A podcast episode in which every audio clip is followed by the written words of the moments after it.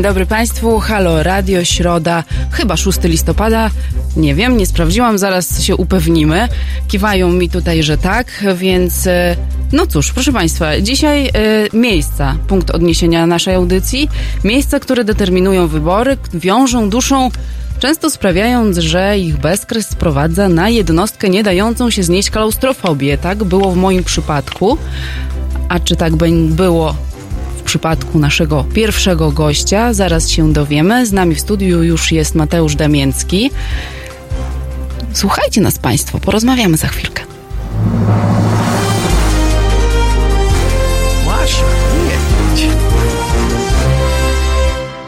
Dzień dobry Państwu raz jeszcze. E, już na spokojnie Mateusz Damięcki w studiu. Dzień dobry. Tak, ja chyba rozpocznę w ten sposób. Priwiet! Że, priwiet, rебята, że opowiem e, moją prywatną historię naszego poznania się, ponieważ e, historia była taka, że ty już, ty już wiesz, pewnie pamiętasz, albo i nie, i się zaskoczysz. Pamiętam. Ale pamiętasz, dlaczego chciałam cię poznać? No, bo chciałem, chciałeś, żebym porozmawiał z tobą o tym, o czym teraz będziemy rozmawiać? Tak, i to było 10 lat temu.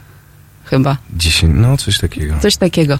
E, e, tak, ale Mateusz pewnie nie wie, że chciałam nie tylko e, dla, w, celu, w celach wywiadu do Gazety Petersburskiej mhm. pogadać e, z tym człowiekiem, aktorem, który, jak donosiły media wtedy, e, dobrze się wypowiadał o Rosji. O Jezu, dzięki Bogu, że jesteśmy w medium obywatelskim i tak. że tutaj można normalnie pogadać. Tak jest. No i ja jako Rosjanka, która od 12 roku życia mieszkała w Polsce, szukająca e, jakiejś rosyjskości wśród Polaków, osób, które rzeczywiście życzliwie się odnoszą do Rosji Rosjan, stwierdziłam, że fajnie by było poznać takiego pana Mateusza Damięckiego, który zresztą, y, no, chyba cię zobaczyłam w Córce Kapitana po raz pierwszy. No i to był film, no, umówmy się, rosyjski. Dla mnie zwłaszcza. Poczekaj, poczekaj, bo on tam ma wpisane na IMDB, że był w koprodukcji z Francją. No dobra, no to już szczegół. Ja wtedy nie zwracałam na to uwagi. Okay. Tak, więc dla mnie to była produkcja rosyjska. Zresztą no to jest adaptacja klasyka rosyjskiego. Więc stwierdziłam, dobra, trzeba jakoś cię poznać. Tylko jak? Znajomi cię nie znali. Znajomi ze świata filmu cię też nie znali.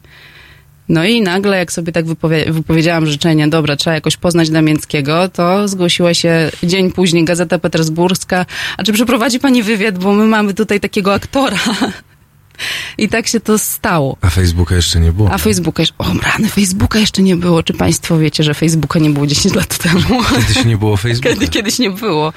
Faktycznie. No więc tak, spotkaliśmy się w Babuszce. To pamiętam. Na pielmieniach. Na pielmienie. A później powiedziałeś kiedyś dużo później, że nie lubisz kuchni rosyjskiej jednak. No bo kuchnia rosyjska jest z całym szacunkiem kiepska. No weź. Znaczy ostatnio, wiesz co, wpisałem w, w takim kontekście, e, w konspekcie, że się tak wyrażę, e, do takiej pracy przyszłej, e, parę symbolicznych, parę symbolicznych rzeczy związanych z Rosją, które jak się tylko je wypowie, to od razu kojarzą się z tym krajem. I pielmieni akurat znalazły się na tej liście, łącznie z blinami zresztą i kawiorem, tak? Mhm ale y, obiektywnie rzecz ujmując, y, kuchnia włoska, czy chińska, czy japońska jest dużo bardziej mm, tak milsza, jest ciekawszą wyprawą kulinarną niż, niż Rosja. W Rosji fascynują mnie zupełnie inne rzeczy. A jadłeś pyszki w Petersburgu? Pyszki? No. Przypomnij mi. Pyszki to są takie e, pączki z dziurką, które smakują troszeczkę inaczej niż nasze Oczywiście, pączki. że jadłem pyszki e, podczas e, Białych Nocy, które spędziłem w czerwcu zeszłego roku w Petersburgu. Dopiero w zeszłym roku jadłeś pyszki? Nie, dopiero pierwszy raz w roku, w, w, w, pierwszy raz w życiu w zeszłym roku byłem na Białych Nocach w Petersburgu. I jak? No czad, powiem. Spełniłem swoje marzenie. Jedno jedno z paru takich marzeń, które mm, za każdym razem musiałem odsuwać w czasie i, i wyobraź sobie, że udało się. Zabrałem pod pachę moją siostrę i moją mamę i na dwudziestolecie naszego ostatniego wspólnego pobytu w Petersburgu, bo właśnie minęła 20. rocznica, odkąd yy, na planie filmowym kreowałem postać Piotra Andrzejsia Gryniowa. Postanowiłem, że na, na, na, na urodziny okrągłe mojej mamy zrobimy sobie taką niespodziankę, ponieważ no, to, że ja jestem zafascynowany Rosją i to notabene właśnie z tego powodu, o którym przed chwilą rozmawialiśmy, ponieważ zachłysnąłem się tą kulturą 20 lat temu na planie filmowym, e, to jeszcze jest taka ciekawa sprawa, że, że, że jako, jako młody człowiek jeździ i jechałem tam właśnie e, za pierwszym razem razem z moją ówczesną agentką, która jest nią do tej pory, czyli z moją mamą i, i na akurat do Petersburga zabraliśmy sobie jeszcze moją siostrę i było naprawdę fantastycznie. I teraz po 20 latach, kiedy stanęliśmy w tych samych miejscach, poszliśmy sobie do Ermitażu, kiedy pochodziliśmy po wybrzeżu e, Newskim, e, to, to, to się okazało, że w pewnym sensie czas stanął tam w miejscu, ale, ale z drugiej strony trudno jest nie zauważyć tych zmian, które, które zaszły w, w, w Petersburgu. Y, y, trochę za nie mówiłam, bo wypowiadasz miejsca znane mi po polsku. Miejski ja, prospekt. Tak, ja trochę nabieżne Riki Niwy. Tak, musiałam trochę poszukać w głowie. błyskawiczne tłumaczenie. tak, tak, zrobiłam błyskawiczne tłumaczenie i też się tam przeniosłam. E, mówiłeś kiedyś, A że... Ty się już chwaliłaś? Czym? No, co są, co akurat w, w twoim przypadku, co z tym Petersburgiem? Że się urodziłam? Znaczy z Leningradem. No w proszę. Leningradzie, tak. Jeszcze mam w, w, nie wiem, w dowodzie mamy teraz Boże, przyszedłem miejsce, tu, tak? jest godzina y, siódma, y, siedem, siedem, a ja już da, zdałem sobie sprawę kilkukrotnie, jak bardzo starzy jesteśmy. O, przestań. To, że 20 lat temu zagrałeś Griniowo, to nie znaczy, że no jesteś dobrze, stary. ale ty się urodziłaś jeszcze w Leningradzie. Tak, w Związku Radzieckim. Jesus.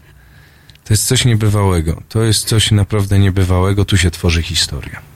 Tak, w tym miejscu, proszę w tym Państwa. miejscu i w tym momencie. E, tak, więc zachęcamy do tworzenia tej historii razem z nami i nawet możecie Państwo do nas dzwonić. To jest akurat taki moment, że mogę go wykorzystać i na przykład przypomnieć numer telefonu 22 39 059 22. Na wydechu powiedziałam, bo mam ściągę. Mail teraz małpahalo.radio a my rozmawiamy sobie dalej. Powiedziałeś, że yy, nie ty wybrałeś Rosję, tylko ona ciebie. Jak to było z tymi początkami? Wiesz co, yy, ja byłem dość takim chłonnym, młodym yy, człowiekiem. Miałem lat 17, kiedy przez przypadek zupełny yy, okazało się, że muszę tam jechać. Wygrałem casting. Yy, tak jak zwykle zresztą się wygrywa castingi, czyli przez całkowity zbieg okoliczności. Odebrałem jakiś telefon, ktoś zaprosił mnie do studia w tym studio powiedziałem parę rzeczy, nie mając zielonego pojęcia o języku rosyjskim, ale chciała mnie zobaczyć jakaś druga reżyserka. Casting jak każdy inny. Później się dopiero dowiedziałem, kiedy, kiedy już byłem w, w Moskwie, w Petersburgu, w Orenburgu, kiedy kręciliśmy ten film, dowiedziałem się, że reżyserka zobaczyła moje zdjęcie wśród w zasadzie setek innych zdjęć w tej, e, na takiej tablicy w, w, w, w u Gudejki w, w agencji. No i tak spojrzała mi głęboko w oczy i zdała sobie sprawę, że to musi być ten facet, który, którego musi zobaczyć e, reżyser tego filmu, Aleksander Proszkin. I to jest śmieszne, dlatego że Gdyby, gdyby schodziła po tych schodach i nie spojrzała na to zdjęcie, to prawdopodobnie mm, po pierwsze nie byłbym dzisiaj tutaj razem z tobą. My byśmy się na pewno nigdy nie poznali, mm -hmm. bo War Warszawa jest dość duża. E, a ja straciłbym no taki bardzo ważny tor w moim życiu, bo e, kultura rosyjska, wszystko co jest z nią związane, jest bardzo ważnym torem w moim życiu, naprawdę bardzo ważnym takim, tak, tak ważnym, że, że wydaje mi się, że parę rzeczy, parę moich y, wyborów zawodowych, osobistych, mm, no nie dokonałoby się w taki sposób i nie poprowadziłoby mojego życia w tym kierunku, w którym poprowadziło i, i nie, nie, nie doprowadziłoby do tego, że jestem kim jestem.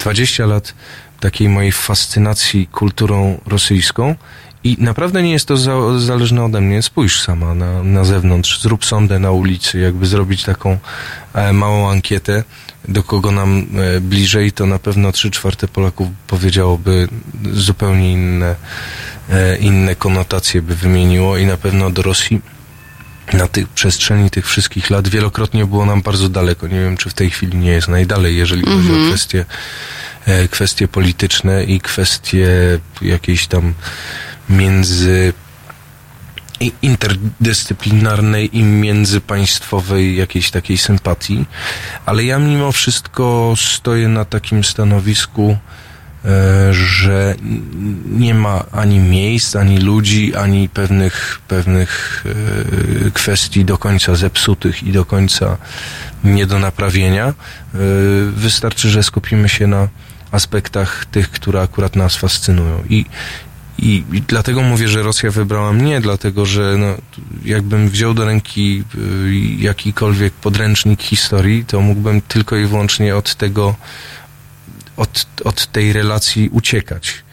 Y, Jak zobaczę na to, co się dzieje w polityce, również powinienem wziąć dupę w troki i zrobić Mhm. w tył zwrot. Roki paszwam i w, I wpierdziot. w, i wpierdziot, tylko w, zupełnie w- w drugą, w drugą stronę.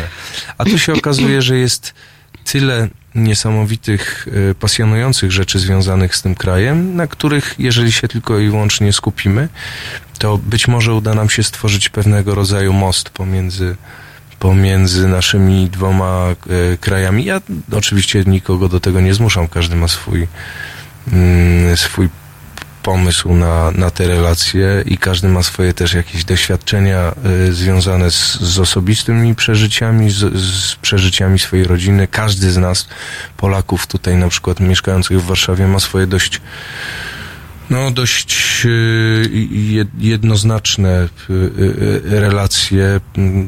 Wywodzimy się z jakiegoś tam wspólnego wszyscy korzenia. Trudno nie zauważyć, że od 45 roku do 89 w Polsce y, historia wyglądała tak, a nie inaczej i y, wiemy dokładnie, co miało na to wpływ. To znaczy, wszyscy jesteśmy dorośli, wszyscy wiemy, jak to wygląda, ale z drugiej strony trudno jest mi nie wspomnieć o takich postaciach jak y, na przykład Rublow.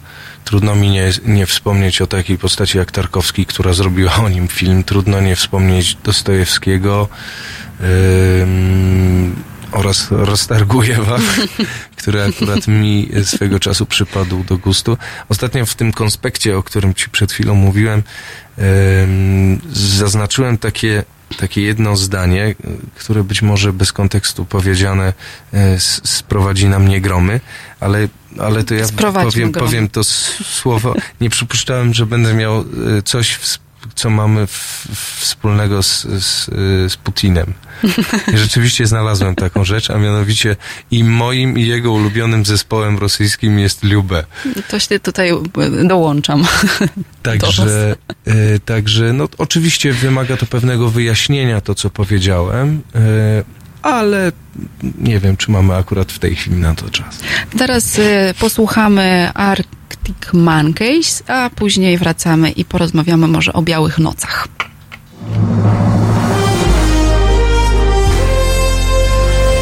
To proste. Żeby robić medium prawdziwie obywatelskie, potrzebujemy Państwa stałego wsparcia finansowego. Szczegóły na naszej stronie www.halo.radio, w mobilnej aplikacji na Androida i iOS-a oraz na koncie Fundacji Obywatelskiej w serwisie www.patronite.pl. Naszym darczyniom i darczyńcom serdecznie dziękujemy. www.halo.radio. Słuchaj na żywo, a potem z podcastów.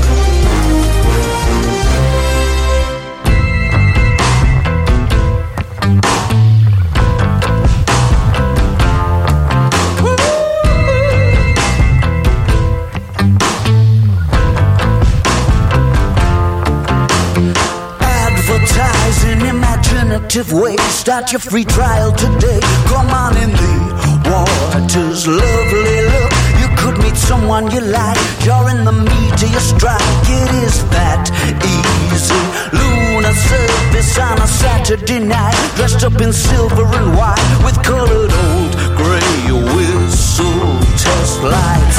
Take it easy for a little while. Come and stay with us. It's such an easy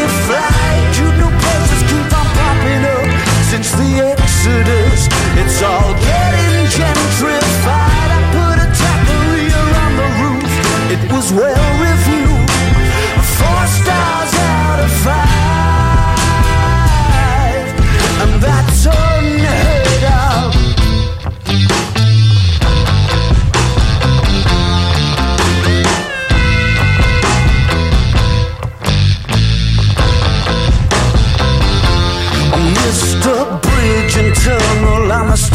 Express, the head of special effects in my mind's eye.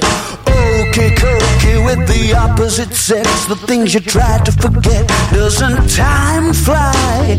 I'm in no position to give advice. I don't wanna be nice, and you know that. Take it easy for a little while. Come and stay with us. It's such an easy flight.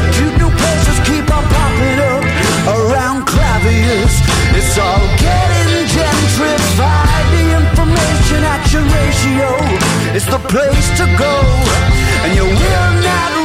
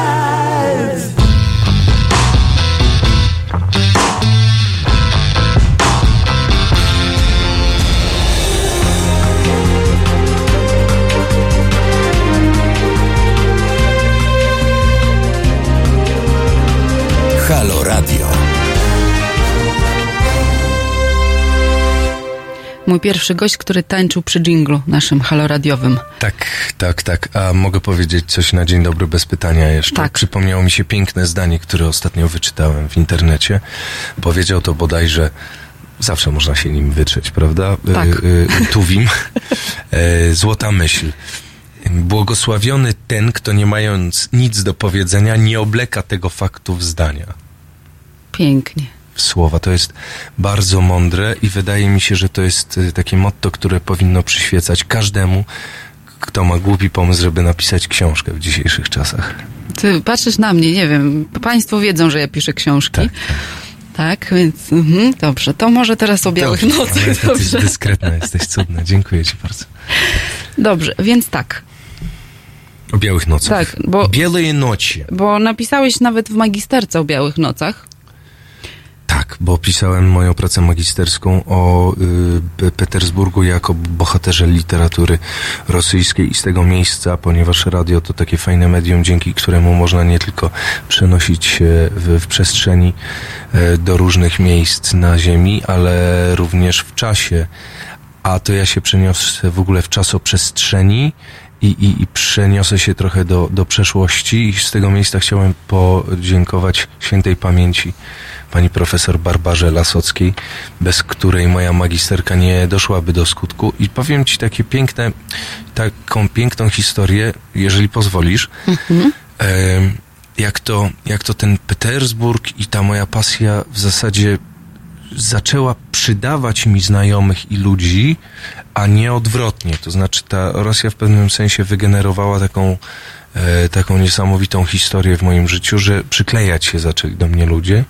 Na przykład moja pani profesor Barbara Lasocka, którą niektórzy e, moi przyjaciele z, ze szkoły z różnych lat e, na pewno pamiętają jako taką heterę, e, taki, te, jednego z tych profesorów, którego należało się bać i uciekać mhm. przed, e, przed nim na korytarzu, nagle stała się moją bardzo bliską duszą, bardzo bratnią duszą. Nie tylko dlatego, że łączyły nas koty. E, e, ja akurat wtedy miałem e, kota, bo mieszkałem jeszcze w domu rodzinnym, ona miała kota.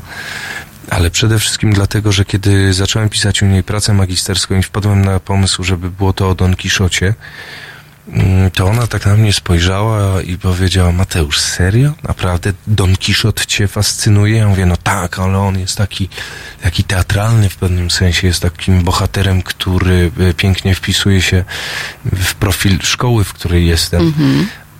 A ona mówi, ale ja nie chcę, żebyś pisał o czymś, o czym należy napisać, tylko napisz o tym, co cię pasjonuje, co cię pasjonuje. I tak spojrzałem mi prosto w oczy, byliśmy e, naprzeciwko szkoły w Bliklem na na pączkach i ja mówię, no fascynuje mnie jedno, fascynuje mnie Rosja. Ona mi to napisze o Rosji. Ja mówię, ale czy to tak wypada? Przecież to jest szkoła teatralna, y, to o Czechowie muszę pisać, tak? Ona mówi, nie, nie pisz o Czechowie, nie pisz o tym, o czym powinno się pisać, tylko powiedz mi, co cię interesuje. I ja wtedy powiedziałem jej, że najbardziej fascynującym miejscem, jakie do tej pory poznałem, jest, jest Petersburg. I ona tak spojrzała na mnie, ja mówię, i to chyba nie ma nic wspólnego z teatrem. Ona mówi, coś znajdziemy.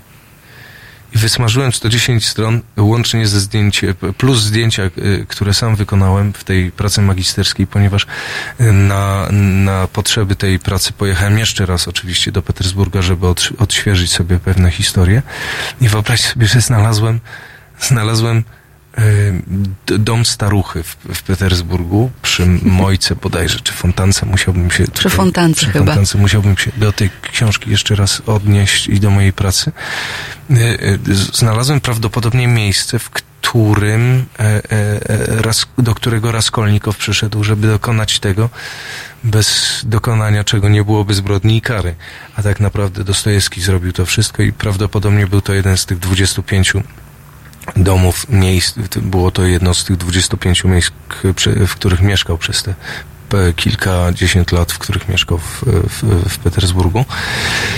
I powiem ci, że, że to, to dla mnie jest najbardziej fascynujące. To znaczy miejscem miejscami, ale nagle się okazywało, że przez ten, e, ten, tę moją pasję zaczęli się do mnie przyklejać ludzie, którzy którzy się okazało, że są prawdziwi i którzy gdzieś tam w swoim życiu również odnaleźli swoją pasję. Niekoniecznie tę samą co ja, ale nagle wiedzieli, że, że to pasja właśnie nie wybiera, nie, nie, nie wybierasz ty jej, tylko ona wybiera ciebie i tak naprawdę już nie ma mocnych na taką pasję, która cię złapie. Petersburg Mateusza Damińskiego to jest Jaki Petersburg? Wiesz co, to jest Petersburg, który jak zamykam oczy, to są takie, to jest takich parę pięknych, y, parę pięknych y, obrazów. Z Jaśkiem Aleksandrowiczem chodziliśmy kiedyś po nocy o trzeciej i y, w, w, w takim na, przy, przy, przy jednym z, z, domów znaleźliśmy arbuza takiego e, e, leżącego sobie samotnie i zabraliśmy go do domu jak to, jako takie trofeum, a na, na ulicach paliły się takie żółte e, latarnie i nie wiadomo co było wyskoczy z, nie wiadomo było co wyskoczy z, z, z jednego z, z zaułków. Petersburg to jest na pewno e, wiesz, e, ta, ta niesamowita fasada miasta, Y, Brocki o tym pięknie pisze, że podczas Białych Nocy w Petersburgu człowiek jest jak woda i nie rzuca cienia, a miasto jest poddawane, zwłaszcza w tych późnych godzinach, kiedy powinno być ciemno, a jest jasno, jest poddawane takiej niesamowitej mm, ekspozycji świetlnej od drugiej strony. Niejako jest, jest to miasto k- cały czas podświetlane od tyłu, e, taką kontrą. I rzeczywiście jak zamykam oczy, to widzę, widzę to miasto, które, którego budynki w tym miejscu o tej porze roku robią niesamowite wrażenie. Jest to ermitaż na pewno, w którym spędziłem niezliczone godziny, zarówno w tej nowej części ermitaża, ostatnio jak byliśmy i zobaczyłem tam wszystkich możliwych impresjonistów. I tutaj należy dodać taki malutki appendix, mm, polegający na tym, że trzy czwarte dzieł sztuki, które są w ermitażu, nie powinny się tam cały czas znajdować, ale to są rzeczy, które trzeba mówić. No ale tak zbudowany jest ten świat, to, że to, że mm, ludzie nie dogadali się między sobą, nie oznacza, że te dzieła nie istnieją i że nie, nie wypadałoby ich zobaczyć. To jest, y, to jest y, admiralicja, która, z którą wiąże się taka piękna moja historia, ale być może odniosę Państwa e, z tym wspomnieniem do późniejszej e, mojej publikacji, a nie do tego, mm, co tak naprawdę w tej chwili chodzi mi po głowie, to może później, bo nie, nie chcę się wyprztykać ze wszystkiego. Petersburg to też parę osób, które, które do, do dzisiaj pozostają w kontakcie ze mną i o, Petersburg to też ty. To, to, tak, tak, tak. Tak, tak, Tak. tak. tak, A jak- Wiesz, b- bardzo, y, bardzo cieszę się, kiedy spotykam na swojej drodze ludzi, którzy dokładnie wiedzą, o co, o co mi chodzi. A jeżeli chodzi o Petersburg, to trudno jest y, go posiąść w, nie, nie będąc tam. To znaczy, można sobie poczytać, tak jak już wspominałem tego Brockiego. Brocki akurat najpiękniej chyba o Petersburgu pisze. Notabene to jest koleś, który zdobył y, Nagrodę Nobla, więc y, bez, bez pudła i bez Takie nawet z twojej magisterki wyciągnąłem cytat Brockiego o Petersburgu, także zaraz sobie zacytujemy. Bez pudła mo można go cytować, dlatego że naprawdę, e, naprawdę wiedział o czym pisze. E, był też mocno zaangażowany mm, nie tylko emocjonalnie, ale przede wszystkim obywatelsko w to wszystko, co się działo w Rosji. Żył naprawdę w, w bardzo trudnych czasach. I mimo, że pisze wspaniale, to dopiero kiedy ja pojechałem do tego Petersburga i byłem w stanie porównać to z ty, ty, to, co napisał z tym, co zobaczyłem, dopiero odnalazłem e, e, to w sobie.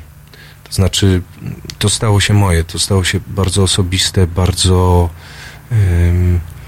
bardzo takie, mm, jakby to nazwać, takie, jakie nie jest niczyje.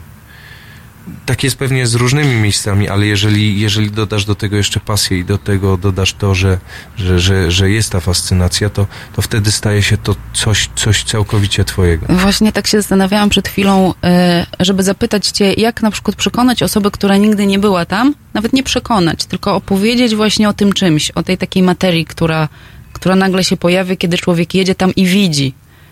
I jest. I powiedziałeś coś fajnego teraz, że to się staje takie moje. W innych miejscach, nawet które nas zachwycają, nawet jeżeli, e, przynajmniej w moim przypadku, jeżeli e, bywamy często, albo jesteśmy długo, albo krótko, przez chwilę i nam się podoba jakieś miasto, to niekoniecznie staje się to miasto takie moje wewnętrznie.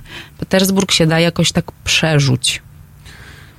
Y, Pewnie tobie się daje przerzuć i mnie się daje przerzuć. Ja muszę tutaj podkreślić jedno bardzo, jedną bardzo ważną rzecz. Na tyle, ile znam język rosyjski y, i jest to dla mnie wystarczające, w języku mówionym znam go dość dobrze. Nie umiem, przyznaję się, jestem półanalfabetą, jeżeli chodzi o ten język. Nie umiem pisać, a czytać umiem y, no, w zależności od, od tego, jak się rozpędzę. Po, po 10 dniach na planie w, w, zdjęciowym w, w, w- Rosji jestem w stanie już bezproblemowo czytać scenariusze na przykład, albo książki, czy gazety, ale teraz miałbym z tym duży problem.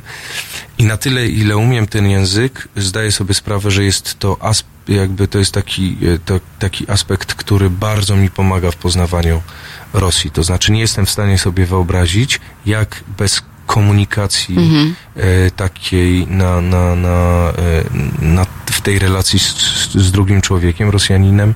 E, jestem pewien, że bez tego wszystkiego nie, nie poznałbym tak Rosji dobrze i nie, nie stałaby się właśnie moja. Język jest bardzo, bardzo ważnym argumentem, dzięki któremu mówię w tej chwili wszystko to, co mówię. To znaczy, jest takie nawet powiedzenie, y, język, że do Kijewa dowiedzie. Od, do tej pory nie wiem, dlaczego akurat w rosyjskim przysłowiu mówi się o Kijowie, ale być może dlatego, że z perspektywy Moskwy, Leningradu, e, Peters, bu- czyli Petersburga albo nie wiem, Magadam, no do Kijowa było dość, dość, dość daleko, bo Rosja, przypominam, to jest w tej chwili jedna dziewiąta całego świata kontynentalnego, a w czasach Związku Radzieckiego było to jedna szósta całych, całego terenu, terenu y, ziem, ziemnego świata.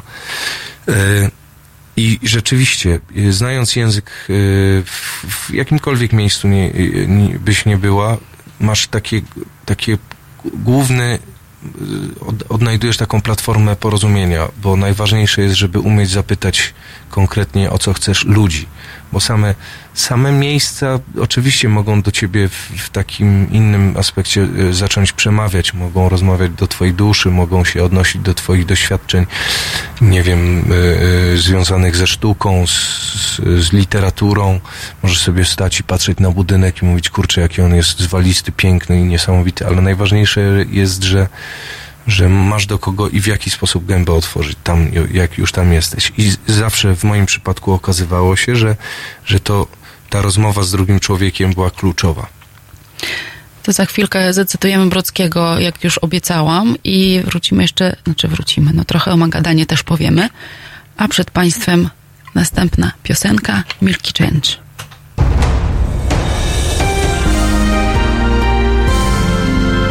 Jutro. Od 21 do 23 telefony od Państwa odbiera Roman Kurkiewicz. Rozmowa, dialog, zrozumienie i żadnej agresji. 21-23. Zapraszamy. www.halo.radio. Słuchaj na żywo, a potem z podcastów.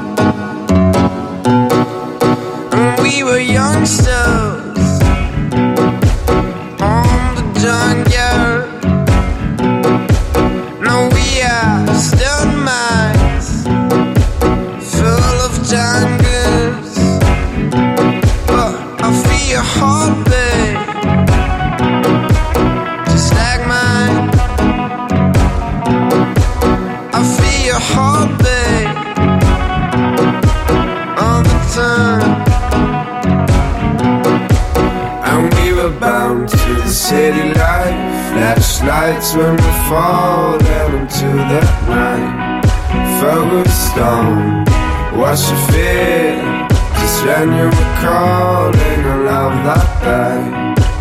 And we were bound to the city life. Flashlights when we fall down into the night. Focused on what you feel. Just when you were calling a love that died.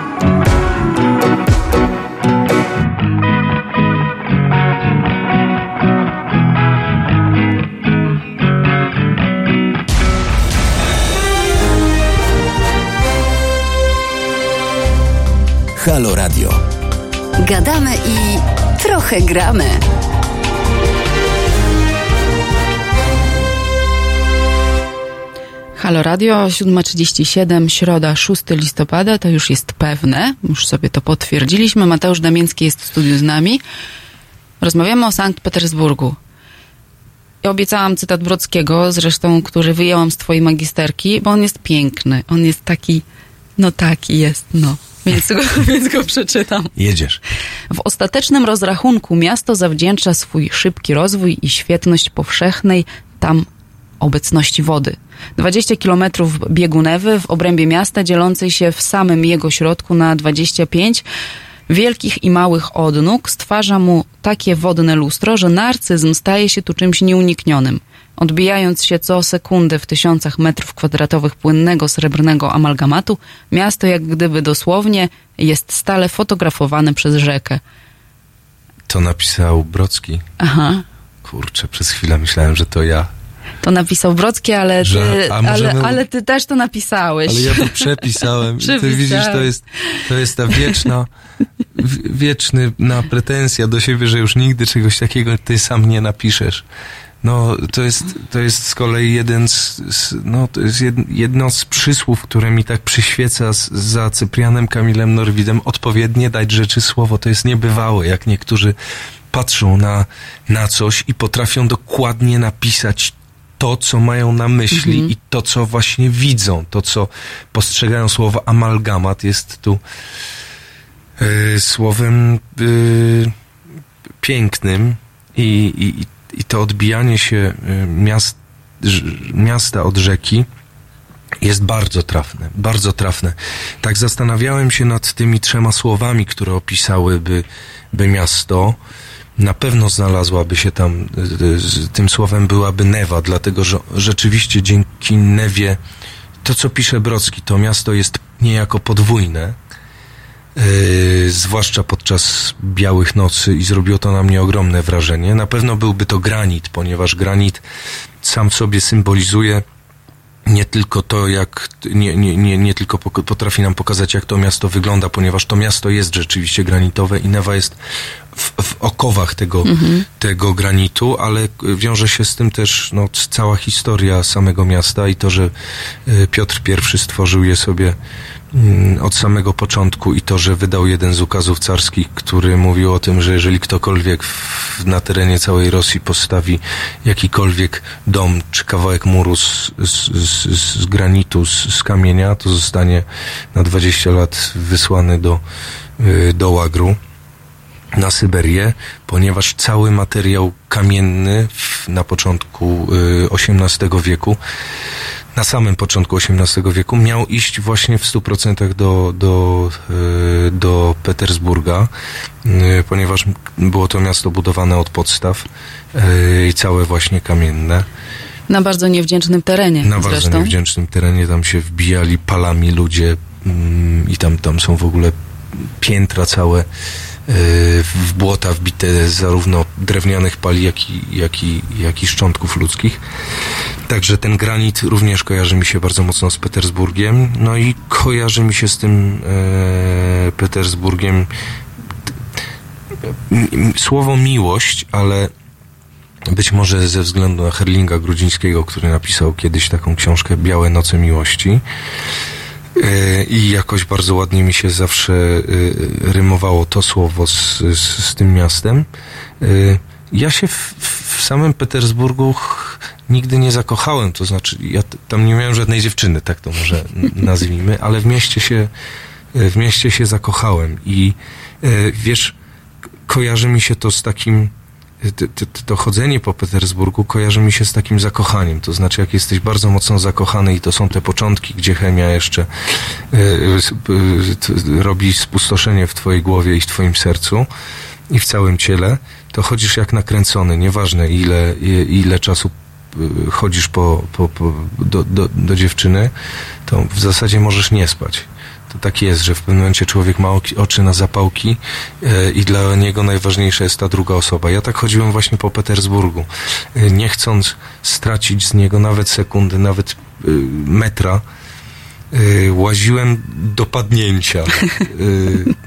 Tak wiele rzeczy mnie tam fascynowało, tak wiele mi się podobało, było tak wiele muzeów, które chciałem zobaczyć, że łaziłem, łaziłem i mimo, że nogi odmawiały posłuszeństwa, to, to sz- chodziłem do takiego momentu, w którym, i to jest super, w którym w pewnym momencie twoja jaźń y, przestaje, y, przestaje percepować, to znaczy nagle się zamienia to wszystko w taką jakąś taką dziwną malignę, w taką mgłę, że nagle myślisz, że jesteś na jawie, a tak naprawdę jesteś w półśnie, człapiesz, łazisz, przyjmujesz te wszystkie obrazy, rozmawiasz z ludźmi, jesteś dużo bardziej otwarta wtedy, y, dużo bardziej odważna, zadajesz pytania, których nigdy nie powinnaś nikomu zadać, na przykład na ulicy.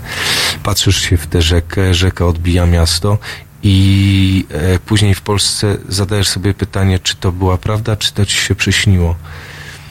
I to jest super. Często było to oczywiście zakrapiane również alkoholem, ponieważ Rosja bez, bezwzględnie kojarzy się z alkoholem. A to już jest czwarte słowo. E, ale wiesz co, wyłączył je bym poza, poza nawias samego Petersburga.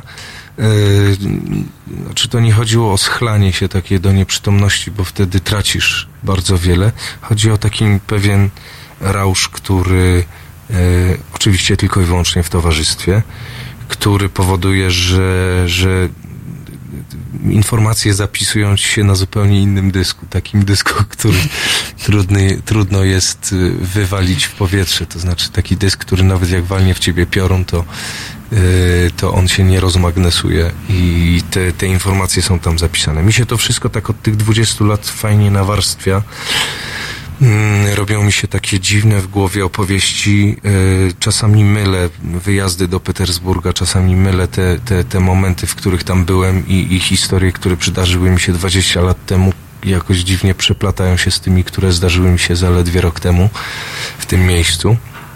Jest na przykład cała masa obrazów w Ermitażu, które pamiętam sprzed 20 lat i ostatnio, kiedy je zobaczyłem, to spojrzenie na nie od, zaczęło odblokowywać we mnie takie jakieś dziwne y, szufladki, które, które zapomniałem, że są we mnie.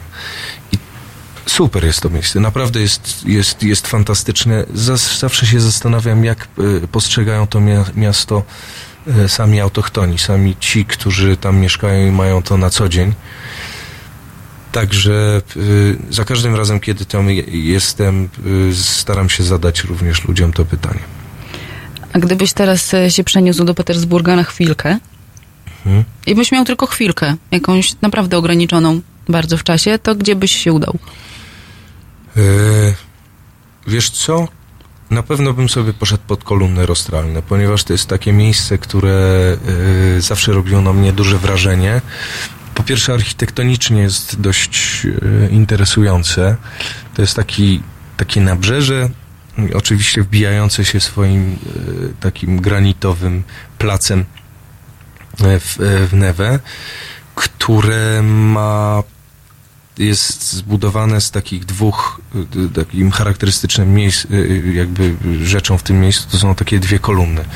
Kolumny takie pomarańczowe, na których mm, w, w, jakby w, w które wbite są rostra, czyli statków, czyli te, te cz- czuby, czuby statków. Y, To jest legenda, a tak naprawdę no jest, jest to prawda, że, że Piotr I postawił te kolumny z tymi rostrami tych statków wbitymi w, w te kolumny po to, żeby mm, ku przestrodze, po to, żeby pokazać y, tym, którzy jeżeli, y, którzy będą chcieli kiedykolwiek najechać na to miasto, jak, y, jak on rozprawia się z, z najeźdźcami. Mm, To są rostra statków e, wrażych, że się tak wyrażę, e, które zostały zdobyte przez e, Piotra I i pokazują, że miasto, miasto jest nie do zdobycia, że zawsze się będzie broniło. I te kolumny rostralne są takim punktem bardzo charakterystycznym. Oczywiście jest też twierdza Pietropawłowska, która akurat dla Polski ma również dość duże znaczenie, ponieważ w tej twierdzy Pietropawłowskiej więziony był zarówno e, zarówno mm, naczelnik jeden, jak i drugi, to znaczy zarówno Kościuszko, jak i Piłsudski. I to jest też ciekawe, że jest bardzo wiele miejsc w, Ros- w, w Petersburgu, które, przez które ja przechodząc zdaję sobie sprawę, jak bardzo mocno nasze, nasze historie, obie zarówno, zarówno rosyjska, jak i polska, jak bardzo mocno się często e, przeplatają. I widzę jeszcze te kolumny rostralne, o których przed chwilą powiedziałem, e, w, zarówno w, w te białe noce, kiedy mamy czerwiec i ta e, rzeka sobie mm, e, płynie w świetle i w cieple, ale widzę je również w, w takim bardzo specyficznym momencie roku, a mianowicie zimą. I byłem tam 20 lat temu zimą i widziałem, widziałem te kolumny, u podstaw których był, była newa skuta całkowitym lodem i widziałem ludzi, którzy przychodzą z jednego miejsca, e, e, z jednego wybrzeża na drugie wybrzeże mm, po lodzie. I to jest też takie bardzo romantyczne. Zresztą Petersburg jako taki jest e, jednym z najbardziej romantycznych miejsc, w jakich byłem. Ty zostałeś też Rosjaninem tak oficjalnie. Tak, jest stał ruskim, tak. Tak. Znowu cieszę się, że jesteśmy w tym medium, a, a, a nie w jakimkolwiek innym. Tak, proszę że Państwa, Mateusz Damięcki został Rosjaninem. ludzie nie słuchają tego z przymusu, tylko z, z, z tego, że, że, że myślą po ludzku i, wiedzą, że rozmawiać zawsze można i nie, nie traktują wyimków, nie traktują tego wszystkiego jako historii wyciągniętych z kontekstu, tylko interesuje ich zarówno początek, jak i koniec tej opowieści. Tak, Jak ja stał ruskim, to jest serial, w którym wziąłem udział. Grałem tam e, Amerykanina, który przyjechał do, do Rosji, do Moskwy. Mm, e, I moimi oczami e, staram się pokazać ludziom, jak Rosja odmienna jest od całej reszty świata. No dobra, A wiesz to... czemu ja zagrałem? Bo y, y, Rosjanie y, ob- obiektywnie rzecz biorąc dość kiepsko mówią po angielsku. To jest dla mnie niebywałe, że tam się czas zatrzymał Tak. w miejscu i Tak. Rosjanie wychodzą z założenia, że im język angielski do niczego nie jest potrzebny. Więc na planie byłem obok Klima Szypienki, reżysera, który formatował ten akurat serial. Jedyną osobą, która mówiła w miarę dobrze w, tym języku, ale jak- już zacząłem aktorsko włączać swoje różnego rodzaju akcenty, którymi, y, którymi potrafię władać, a przynajmniej umiem udawać, że, że nimi władam, to zawsze robiło to na nich ogromne wrażenie, mm, na ludziach w ekipie filmowej. No i rzeczywiście okazało się, że jestem jedynym aktorem, którego znają, który był w stanie udawać, że jest Amerykaninem, ponieważ każdy Rosjanin, jak zaczyna mówić po angielsku, no to, no to w mig dowiesz się, że jest mimo wszystko Rosjaninem. Udać mu się nie potrafi tego zrobić, żeby, żeby udawać, że jest, że jest Amerykaninem czy Anglikiem. I akurat e, mi się udało, dlatego zagrałem w tym serialu. To jeszcze e, tak na, na takie trochę zakończenie już powiedz, e, bo pytań niestety mam do ciebie więcej, znaczy może niestety jeszcze się spotkamy pewnie nieraz w tym kontekście i sobie będziemy rozmawiać też o twojej wyprawie syberyjskiej, ale teraz nie o niej. Teraz jeszcze jak jest ruskim i o tym, czy coś cię zaskoczyło z tą Rosją, bo, bo grałeś bohatera, który przyjechał do Rosji i ją zaczyna poznawać. Przyjechał też nie z własnej woli, tylko z, trochę został zesłany. Z New York Timesa chyba? Nie, z, z American Post. A, z Amery- tak, American dokładnie, Post. dokładnie tak. Post. Z woli niewłasnej. No, został y, przez swojego sz- szefa, przez naczelnika swojego Tak. skierowany do, do Moskwy. W, w pewnym sensie e, e, nie jako nagroda był ten Mhm. wyjazd, tylko jako rzeczywiście, jako, jako kara za, za, za pewien występek, który popełnił. Bardzo serdecznie namawiam wszystkich do, do obejrzenia sobie serialu, ponieważ jest cały do obejrzenia na YouTubie. Z tym też wiąże się y, przedziwna historia, kiedy zadzwoniłem do producenta, żeby spytać, jak ludzie w Polsce mogą obejrzeć ten, ten serial. Powiedział, no y, dzisiaj wieczorem jest premiera w STS-ie, a y, godzinę później będzie y, y, odcinek już cały na YouTubie. Ja go tam wrzucam, mówi do mnie producent, ponieważ nie mamy tutaj praw autorskich za wielu i nie chciałbym, żeby ktoś w złej y, jakości go wpuścił, więc robię to ja w najwyższej jakości, bo może jeszcze uda mi się zgarnąć coś z reklam na YouTubie. Także cały jest bardzo dobre serial podejście. naprawdę w świetnej jakości jest do obejrzenia za, za darmo na platformie YouTube. Yy, o co pytałaś? Jeszcze w dwóch słowach, czy, bo znałeś już Rosję przecież grając w tym serialu i to Mhm. bardzo dobrze.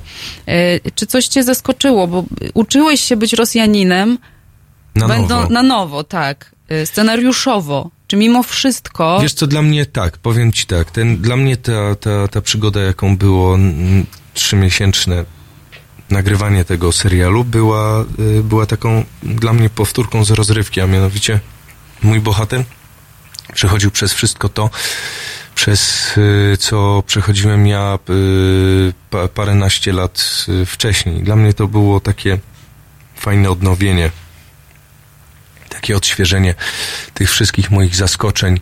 Tak naprawdę wszystko, co dzieje się mojemu bohaterowi, jest takim, e, jest taką kuracją w pigułce, e, przez którą ja musiałem przejść, kiedy jako Polak pierwszy raz pojechałem do Rosji. Dziwiłem się w zasadzie wszystkiemu, tak jak ten Amerykanin jeszcze bardziej spektakularnie dziwi się e, temu wszystkiemu, co, co zobaczył w, w Moskwie.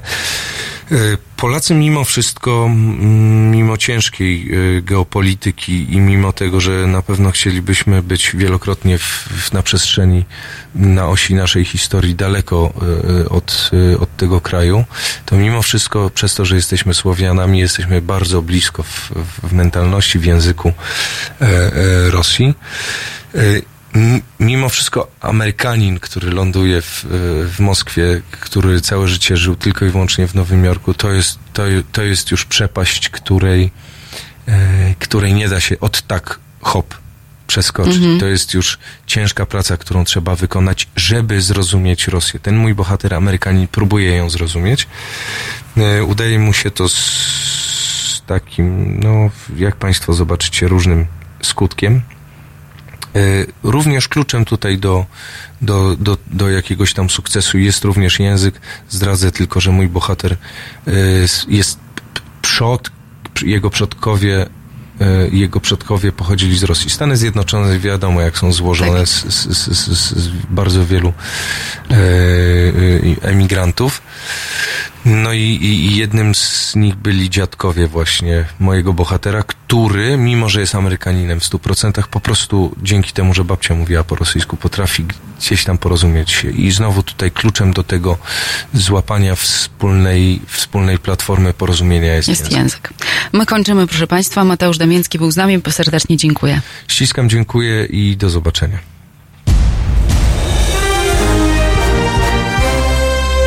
Jutro. Od 17 do 19 filozoficznie, ale bez zbędnego zadęcia. Porozmawia z Państwem Natalia Wilk-Sobczak. 17-19.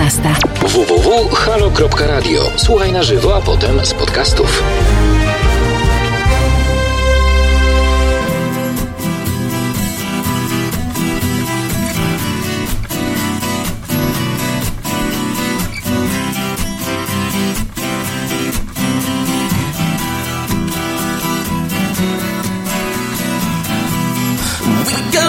samba, swimming in December, heading for the city lights. Nine seven five, we're sharing each other, nearer than farther. Son of the lemon drips from your eye.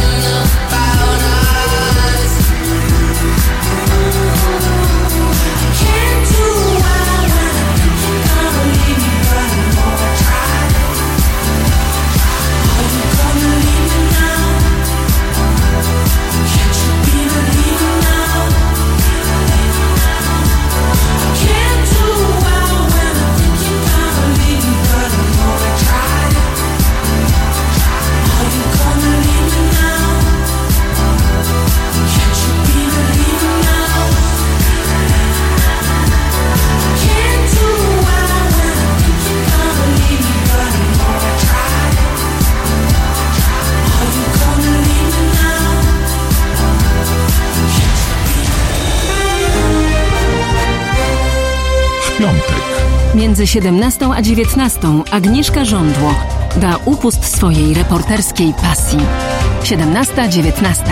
www.halo.radio. Słuchaj na żywo, a potem z podcastów.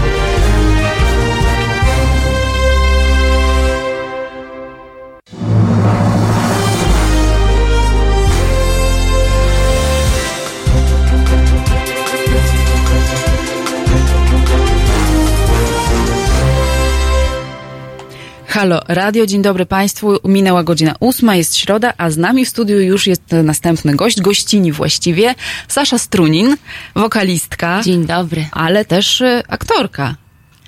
No, to duże słowo. Może aktorka nie, ale coś tam czasami coś zagram. A i tam czasami. Teraz y, się szykujesz do musicalu.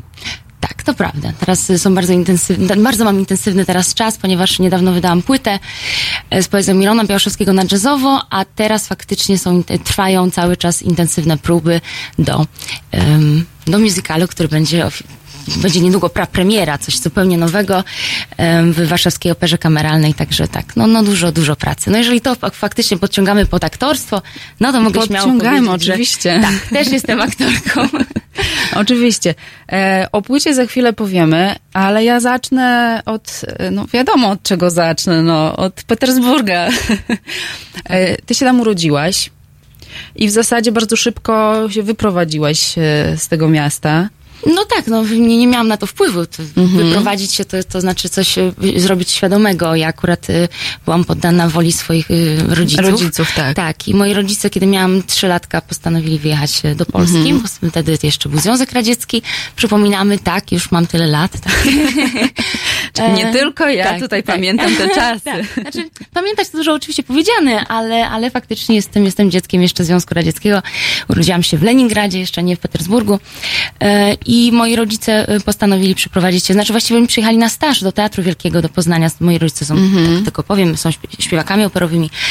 I pojechali do Poznania. Na parę miesięcy okazało się, że zostali na wiele, wiele lat. I ściągnęli mnie do tego, do tego Poznania i właściwie ja już wszystkie takie świadome rzeczy, takie, jeśli chodzi o pamięć w ogóle, jako, jako młody, młody człowiek, jako, jako dziecko, to już y, ja zaczęłam po prostu już ym, ym, w Polsce. W sensie moje, moje życie się rozpoczęło w Czy Polsce. twoje Teraz na dzieciństwo nowo takie odkrywam- świadome, które pamiętasz, jest polskim dzieciństwem? tak, zdecydowanie, absolutnie tak. E, Poznaję Petersburg na nowo, rozkochałam się w tym mieście na nowo, tam mieszka mój ojciec, mieszka moja kochana babcia, która zresztą jest polskiego pochodzenia Mm, i, i po prostu tak jakby odbieram to miasto zupełnie na, na nowo.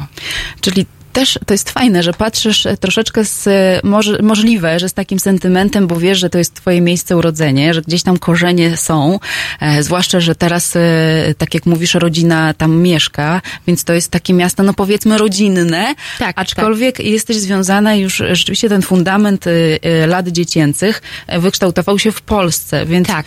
To miasto jest i rodzinne, i nierodzinne. Dokładnie, no ja ja się czuję obywatelką świata, więc jakby ciężko, ciężko mi faktycznie się jakoś tak ym, identyfikować z, jakiej, z jakąkolwiek przestrzenią, E, ale no oczywiście no jest taki sentyment, chociaż, chociażby też taka świadomość, że, że, że człowiek się gdzieś tam urodził i, i ciągnie go do, do, do, do tego miejsca. No ale myślę, że miejsce stworzą ludzie i tutaj akurat faktycznie, no jeżeli mój kochany ojciec tam jest i, i moja, moja muza, która, która, moja babcia tam mieszka, to, to faktycznie jest, jest to miejsce mi bardzo bliskie, ale tak jak mówię, no uczę, uczę się tego miejsca, poznaję go tak troszeczkę tak jak, jak turystka, no gdzieś tam. To jest takie, no, no dziwne uczucie, ale, ale w sumie ciekawe, no nie mamy wpływ na to, gdzie się urodziliśmy. To nie jest nic, z czego możemy być dumni czy nie dumni, bo możemy być tylko dumni z rzeczy, które, które, na które mamy wpływ. Na to nie mamy wpływu, ale faktycznie em, od, jestem, jestem tak, taką mam zmieszaną krew, że gdzieś tam tą identyfikację odczuwam tam. E, Właśnie Petersburg to takie już europejskie miasto, można powiedzieć. To nie jest taka typowa tak, Rosja, tak, prawda? tak, dokładnie tak. Tak, bo gdybyśmy chcieli pom- pomówić o Rosji, to zupełnie inny No tak, temat. można parę godzin tak. tak. rzeczywiście. Powiedziałaś fajne słowo muza i w odniesieniu do swojej babci. Rozwiń ten temat. Dlaczego? Bo rzadko kiedy się zdarza, że młody człowiek y, w ten sposób y, nazywa y, kogoś, kto jest y, no, dużo, dużo starszy. No tak, no dla mnie zdecydowanie osoby starsze są bardziej inspirujące. Tutaj akurat no, jest, to jest to moja własna babcia. Em, babcia była aktorką i też, i też śpiewała. Em, I tak naprawdę to ona była muzą mojego dziadka, który był wybitnym e, reżyserem teatralnym i poznali się em, no, w trakcie, po, po, po II wojnie światowej, kiedy, kiedy babcia była w bardzo trudnej e, sytuacji em, i, i mm, miała wybitny talent, nie miała możliwości, e, budowała jeszcze czołgi w trakcie II wojny światowej, e, r- m, ojca jej rozstrzelano, także no, miała, przeżyła swoje generalnie, dostała po, po tyłku, że jeżeli mu, możemy mówić to śmiało i otwartym językiem, to, to przeżyła tą drugą wojnę światową i, i po prostu dostała taką nagrodę w postaci mojego, mojego dziadka, który ją po prostu zauważył, pokochał i, i, e, e, i tak naprawdę no, ona była jego muzą, a to, że a, a po prostu ja mam taki, jakiś, taką konekcję z moim dziadkiem, którego nie miałam okazji aż tak bardzo dobrze poznać, bo zbyt wcześnie zmarł, ale tak gdzieś tam czuję po prostu, że to są moje korzenie, do których mnie bardzo ciągnie i, i faktycznie ta babcia jest takim moim lustrem, jeżeli chodzi właśnie o, o w ogóle takim tunelem, jeżeli chodzi o, o, o, o estradę, o, o estetykę, o, o, o poczucie gdzieś tam wrażliwości i tak dalej, i tak dalej. Czyli słuchasz rad babci. Bardzo, oczywiście. Ona jest tak mądra i ma takie poczucie humoru, że absolutnie mm, jestem, jestem pod wrażeniem. Ma 94 lata. E, Wow. Tak, ogarnia, iP- ma iPada, ogarnia Instagram, y, Skype'a, dzwoni do mnie. Robi sobie takie selfiaki, co prawda takie ucięte trochę tam czółko i tak dalej, i tak dalej, ale no, słuchajcie, to jest po prostu naj, coś najpiękniejszego na, na świecie, ponieważ y, no, no, jest, jest bardzo współczesna i chce jej się tutaj być jeszcze i, i, i, i, i obserwować to co, ja, to, co ja robię gdzieś tam, to, co jej kolejne pokolenie, e, e, jej wrażliwość, jak tam kontynuuje życie na ziemi, także... A czy pamiętasz może, może nie, ale jakieś, jakieś taką radę, która ci się wbiła w pamięć, albo może z którą się nie zgadzałaś bardzo mocno, a babcia nalegała na jakimś tam, nie wiem, innym twoim podejściu do jakiejś sprawy. Wiesz co, nie mam takich gdzieś tam rzeczy, bo, bo się bardzo słucham. Ym, bardzo ufam mojej babci, zresztą... Jesteś grzeczną wnuczką. Tak, no wydaje mi się, że tak, ponieważ to, to już nawet, nawet rodzice mogą się gdzieś tam mylić ym, i wiadomo, no, no bo to, jest- to jest naturalne, ale, ale dziadkowie gdzieś tam już mają taki dystans do pewnych rzeczy i to jest, to jest ym, jedyna moja babcia, już nie mam, nie mam ani dziadka, ani, ani drugiej babci, ani drugiego dziadka, więc po prostu ona dla mnie jest takim skarbem i po prostu, no, no absolutnie staram się słuchać, bo, bo wiem, że ona ma rację, no i taka jest prawda. Płyta Mirun Białoszewski. Dlaczego nie Achmatowa, Cwietajewa, Wysocki chociażby? Em, ponieważ y, bardzo kocham Białoszewskiego, no i to jest, to jest zrobione z czystego serca. Zrobiłam taką płytę, a nie inną, ponieważ y, miałam em, taką potrzebę. I to nie ma dla mnie znaczenia skąd jest Miron, czy ona, no jest, jest Polakiem, no. Oprócz Mirona, jeżeli chodzi właśnie o poezję świat, w ogóle taką światową, no to może jeszcze Baudelaire tak, tak na mnie działa i, i czuję taki, taki ból istnienia w jego, w jego słowach. Em, I, I Miron po prostu na mnie działa, no. Po prostu na mnie działa. Poznałam go dosyć późno już, byłam osobą taką dosyć już świadomą na pierwszym, na pierwszym roku studiów. A ty chyba kończyłaś fotografię w ogóle. Tak, tak, jest. Tak, tak też, też ciekawa historia, tak. Chciałam swoją wrażliwość powiększyć o, o, ym, o sztuki wizualne. I Jeżeli chodzi o Mirona, to po prostu to było zrobione z czystego serca. Ym, wszyscy znamy Mirona jako prozaika, znamy jego wszyscy pamiętniki z Powstania Warszawskiego i tak dalej, i tak dalej, ale, ale dla mnie to przede wszystkim jest poeta. On nie lubił tego słowa, on uważał, że jego poezja to jest mała proza. Z czym można się zgodzić, bo, bo jest, to, jest to specyficzna poezja, jest to bardzo, Tak. jest to bardzo takie mironowskie, mironowe i, i on stworzył zupełnie inną dziedzinę jakby literatury, można powiedzieć śmiało, bo, ta, bo taka, jest, taka jest prawda. Em, I po prostu mm, tak, tak dobrze mi się pracowało z, z moim producentem, kompozytorem Garem Gutmanem, który jest e, wybitnym jazzmenem i przyjechał do Polski ze względu na Polkę, przyjechał tutaj i no oczywiście tak Polki działają e, na, na, na, na mężczyzn i, i przyjechał tutaj i po prostu gdzieś tam zaczynał swoją karierę na nowo, po- poznaliśmy się, zrobiliśmy jedną płytę i później właśnie postanowiłam, że go wrzucę tak na, na głęboką wodę, po, pokażę mu poezję, która jest, która jest biała, która jest trudna i, i też y, y, to też dało mi takiego trochę dystansu do tego, żeby, żeby jeszcze raz się wczytać w te słowa i je tak zinterpretować z kobiecego punktu widzenia. To za chwilkę posłuchamy właśnie e, twojej piosenki Jedno rano, Dobrze? A później jeszcze pogadamy o, i o producencie, i o płycie, Dobrze. i o e, samych tekstach Mirona. Oczywiście, że tak.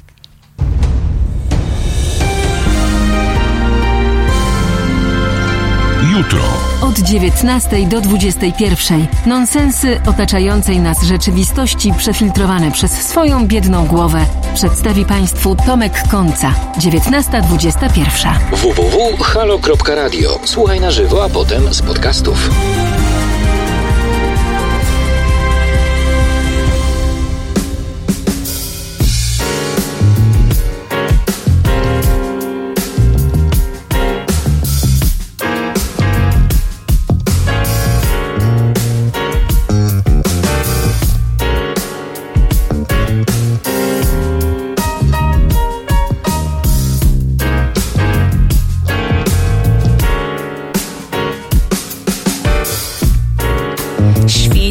Zatokowo. Na wysokim niebie niskie zbite z chmur wisi pod nim jak pod morzem. doszczekając wsi. Nie doszło do oświecenia po wsiach Grochowa. W przebiciach chmur stoi słońce na szprychach. Mm. Przebiera, przesuwa w lewo, w prawo. Nagle leci do mnie jak mur. Pierwsze chwile dnia Jeden gołąb grucha Dwa ucha, uchu, ucha, uchu Ucichłe to wrona, wroniej, wronie, wrona. Krła i odkwia To wrona, wroniej, wronie, wrona. Krła i odkwia Cieknie woda. Strumyczkowo.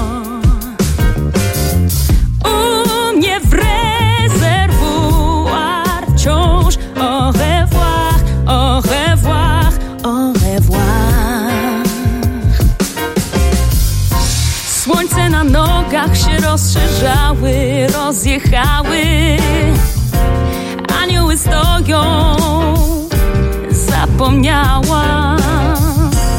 Wiem, że na polach słowacki, ale tu, ale tu miało być od tego.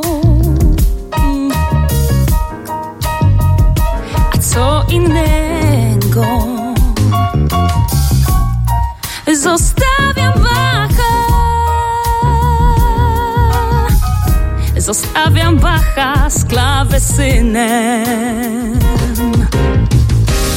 Idę do okna, nie wychodzi dwa razy na raz.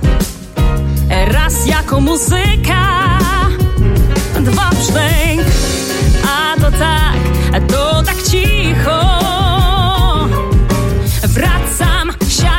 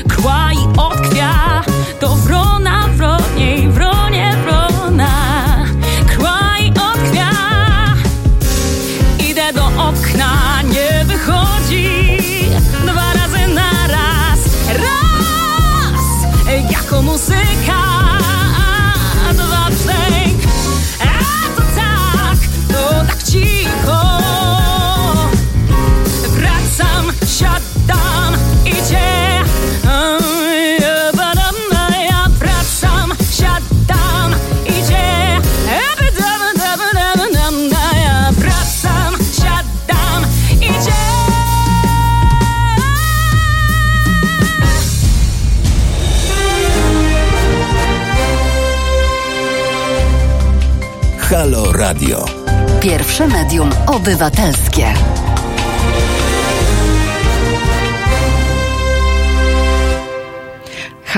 Radio, y, dzień dobry Państwu raz jeszcze, 8.17, a ze mną w studiu i z Państwem również jest Sasza Strunin, wokalistka. Doszłyśmy już do Dzień dobry porozumienia z tym, że aktorka również, bo jeżeli się czegoś próbuje i to przynosi radość, to... I efekty Tak, i efekty tam. również, Tak, to, to tak. troszeczkę już jakby w tym e, się odnajdujesz, więc tym jesteś też, tworzysz e, tę brać aktorską.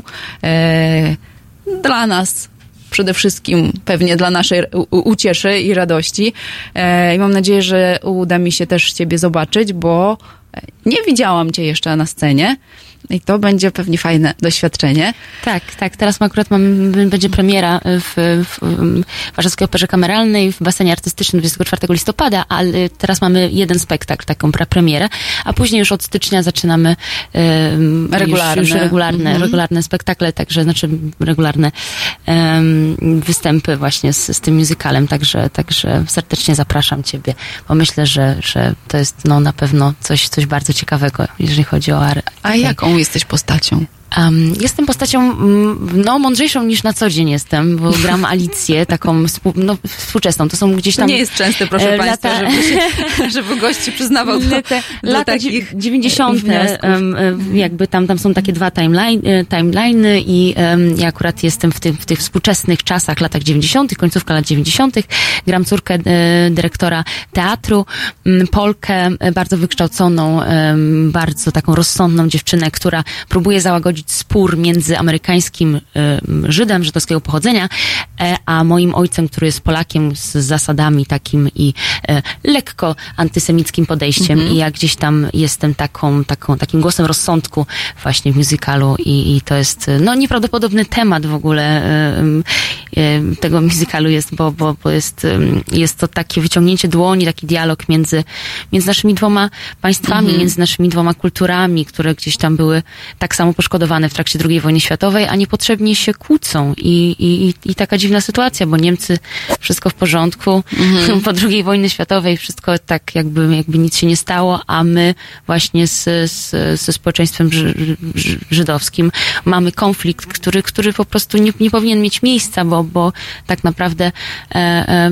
jesteśmy na, na takiej, samej, takiej samej pozycji i, i, i powinniśmy po prostu ze sobą po prostu rozmawiać, słuchać siebie i, i myślę, że no taki temat bardzo aktualny, bardzo polityczny gdzieś tam oczywiście, ale no przede wszystkim muzyka też i klimat i wrażliwość tego muzykalu bardzo, bardzo się broni.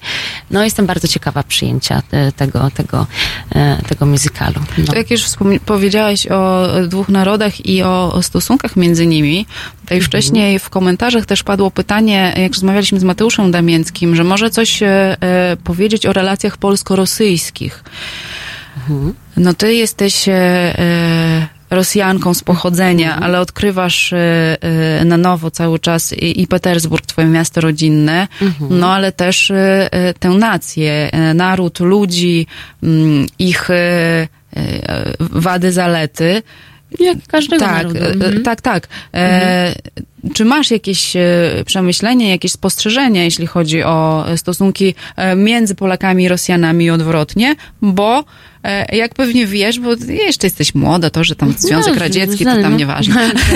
tak. E, No nasze narody nie bardzo się lu- lubiły. Zwłaszcza, że no teraz też e, jeszcze ci mm, nie pozwolę odpowiedzieć Tak, przez chwilkę, tak, bo tak, tak. jechałam dzisiaj też z panem kierowcą, y, który pochodzi Mhm. z Ukrainy i on mi się przyznał, że y, jeździ bardzo długo w Polsce, ale bardzo rzadko spotyka życzliwych Polaków w stosunku do y, Ukraiń- niego Ukraińca. Mhm, mhm, mhm. To dziwne, bo mi się wydawało, że tutaj akurat z Ukrainą to Polacy tak za pan brat, ale mm, wiesz, powiem ci tak, y, ja jestem akurat tutaj w takiej sytuacji, że wychowałam się w Polsce, o ojca mam Rosjanina, babcię Polkę, a mama moja jest Ukrainką. Także już w ogóle mam tutaj tak namieszane tych, tych krwi. Y, I powiem, powiem tak, no mm, generalnie polityka polityką, a ludzie ludźmi. Myślę, że chyba mało kto w Polsce i tak samo w, analogicznie w drugą stronę, mało kto w Rosji ma jakieś złe em, doświadczenia, jeżeli chodzi właśnie o kontakt z, ze sobą. E, Jesteśmy Słowianami, mamy podobną mentalność. Mamy po prostu. No zawsze będzie nam bliżej, em, zawsze się bardziej dogadamy niż, niż, niż z, z, z, Europą Zachodnią, ponieważ no tak, tak, tak, y, taką mamy przeszłość po prostu, taką mamy historię. Ym, Oczywiście nie ma co z tą przyszłością też tak się, tak się tak w nią zapatrywać, ponieważ no ja już tak siebie odbieram jako dziecko, dziecko przyszłości i tak y, jak też wspominałam, czuję się obywatelką świata. Moim zdaniem nie ma znaczenia, gdzie żyjemy, co, co robimy i z, i z kim i to absolutnie już nie powinno mieć dla nas jakiegoś takiego znaczenia. Zwłaszcza, że przemieszczanie się teraz po świecie no, teraz jest już ułatwione jest tak łatwo. bardzo. Oczywiście, tak. że tak. No, no też absolutnie żyjemy w innych czasach i, i to, co było, było jakie było. Ym, ciężko mi teraz się tutaj, jestem w uprzywi- uprzywilejowanej pozycji w XXI wieku, siedzę sobie w Warszawie i, i po prostu teraz będę komentować to, jak to było kiedyś tam i kto tam dostał y, po tyłku, kto nie dostał, Ym, e, bo, bo po prostu to jest, to jest ym, jakby nie- absolutnie nie w porządku. Ale fakt jest taki, że ludzie się dogadują i, i, i dużo krzywdy robią media. Y, I polskie, i zresztą, y, no w Rosji oczywiście tak się nie mówi o Polsce, no też z wiadomego powodu, no Polska nie jest jakimś graczem na arenie politycznej na tyle, żeby, żeby w Rosji się o niej tak często mówiło, ale faktycznie y, media i prawicowe, i lewicowe sz- szkodzą bardzo tym naszym relacjom, a szkoda, bo, bo, bo ludzie się bardzo fajnie dogadują i, i mamy bardzo, bardzo, bardzo wspólną po prostu wrażliwość i takie odczuwanie y, naszej, naszej właśnie, myślę, gdzieś tam naszego takiego bólu istnienia. I, i em, jak zostawiamy tą politykę na bok, to myślę, że Polak z, z Rosjaninem em, rewelacyjnie się dogaduje. Ja, ja powiem szczerze, ja mieszkam tutaj od dziecka, w, w, w dzieciństwie, może w szkole podstawowej, ale to też było powtarzanie takie przez dzieci e, tego, co tam usłyszały w telewizji czy od rodziców. Dostawało mi się, byłam głupia ruska, komunistka i tak dalej. Później, kiedy już dzieciaki zaczęły mieć jakąś taką pewną świadomość, muszę przyznać jednak, że e, Polska mi bardzo dużo dała, bo otworzyła, mm, jakby była zawsze dla mnie otwarta i reprezentowała między innymi Polskę na konkursie Eurowizji, gdzie to nie przeszkadzało mi, że byłam Rosjanką, E, więc dostałam bardzo dużo zaufania od Polaków i bardzo się cieszę, że tutaj mogę rozwijać swoją karierę. Jestem imigrantką, ale też bardzo kocham polską kur- kulturę i dbam też między innymi właśnie tą, jeżeli chodzi właśnie o tą płytę z Mironem, dbam o tą polską kulturę i próbuję ją rozszerzać e, dalej i e, z takim wielkim szacunkiem po prostu podchodzę do Polski i uważam, że to jakby faktycznie, no trzeba patrzeć po prostu na, na, na przyszłość i, i, i proszę mi wierzyć, dogadujemy się rewelacyjnie, jeżeli zostawiamy właśnie te, te Politykę i media, historię, tak, politykę e, i, i, i, zamykamy te laptopy, telefony i po prostu rozmawiamy ze sobą, e, to, to jest zupełnie, zupełnie inaczej. No, zostawianie telefonów i laptopów to też się jest sprawdza dobre. w e, takiej najmniejszej komórce również Tak, społecznej, tak. jaką jest rodzina, do, te, do czego zachęcamy. Petersburg, jeszcze wrócę do niego na chwilę.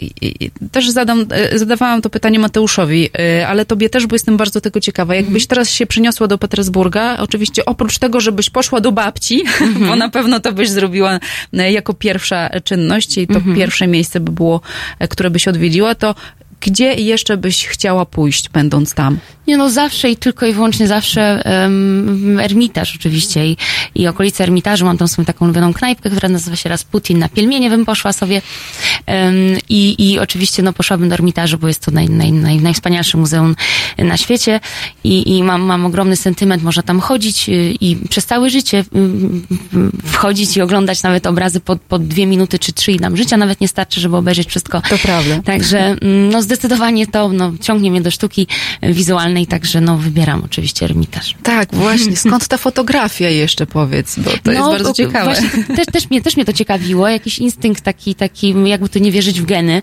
Coś, coś w tym jest. Mój dziadek był reżyserem teatralnym i też Mhm. fotografikiem. Y, I robił zdjęcia, zresztą przepiękne. I jakoś tak chyba po prostu miałam już, byłam na takim etapie w, w swoim życiu, już, już miałam dosyć taką rozwiniętą karierę wokalną i nie miałam potrzeby rozwijania się w tym kierunku akademicki, e, akademicko.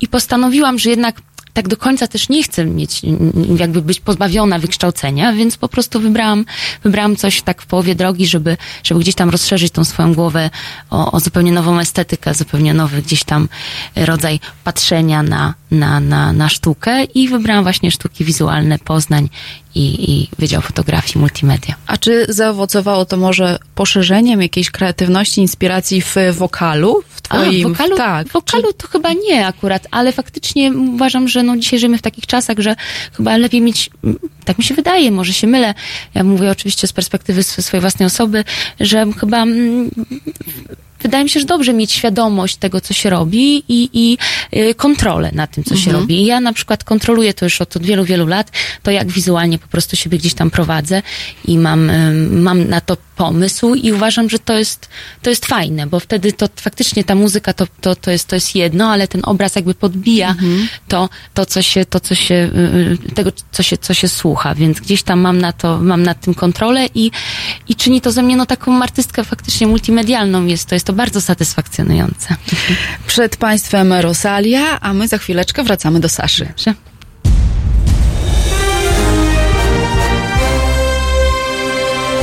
Halo Radio emituje swoje programy na żywo codziennie od 7 do 10 i od 15 do 23. W weekendy od 11 do 23. Nocą Halo Radio gra powtórki najciekawszych programów dla naszych rodaków z oceanu. www.halo.radio. Słuchaj na żywo, a potem z podcastów.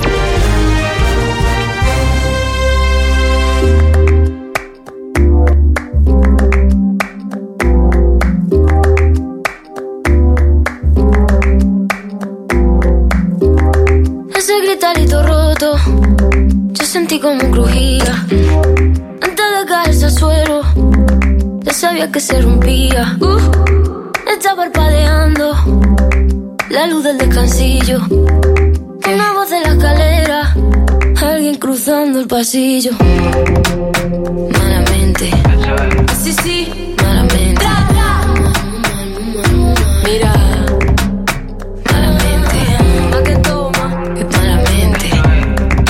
Malamente.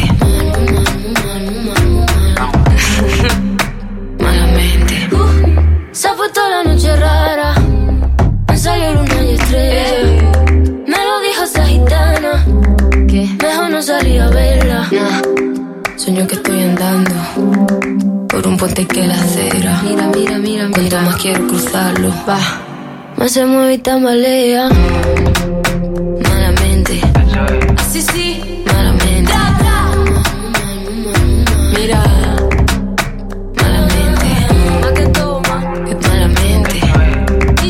Malamente. Malamente. Aunque no esté bonita, la noche nivel. Voy a salir para la calle, la manita, los aros brillando, mi piel, los corales. Después te me salven, me iluminen, me guarden y por delante. No voy a perder ni un minuto en volver a pensarte. Malamente. Sí, that I'm in.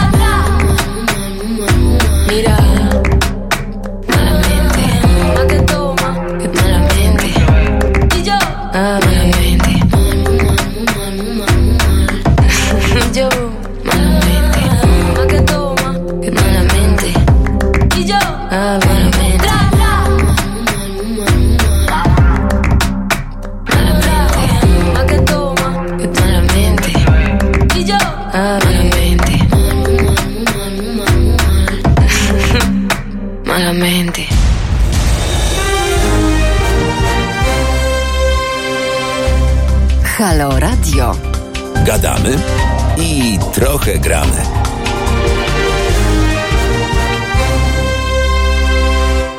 Gadamy i trochę gramy, proszę Państwa. e, Halo Radio, środa jest dzisiaj. E, Znowu już jest e, półmetek kolejnej godziny po 8.30. Sasza Strunin w naszym studiu. Rozmawiamy o Petersburgu. Powiedziałaś o Ermitażu, że chciałabyś tam pójść i pewnie byś poszła, gdybyś się znalazła. e, No, chciałabym, no byłam By, no oczywiście, oczywiście, tak, tak, tak, tak. Ale to jest miejsce rzeczywiście, które pomimo tego, że jest... E, można by powiedzieć takim patetycznym miejscem, bo to jest e, Ermitaż, to jest muzeum, to jest światowej klasy muzeum, Mhm. ale mimo wszystko się tam chce iść. Widziało się już wielokrotnie, ale coś tam ciągnie no i tak, się idzie. No to jest, to jest um, ab- absolutne zwierzchnictwo naszej, naszej kultury. Um, I tak jak Louvre czy, czy, Mhm. um, czy Uffizi w, w, we Florencji po prostu, no to są, to są e, takie, takie miejsca, do których po prostu no, trzeba lgnąć, trzeba tam bywać i trzeba, trzeba odbierać tą, tą, to, to, to, co tak naprawdę w naszej kulturze e, i w naszej sztuce jest najpiękniejsze. No. To są takie miejsca, które, które działają i które trzeba bardzo często odwiedzać. Pielmieni byś też zjadła.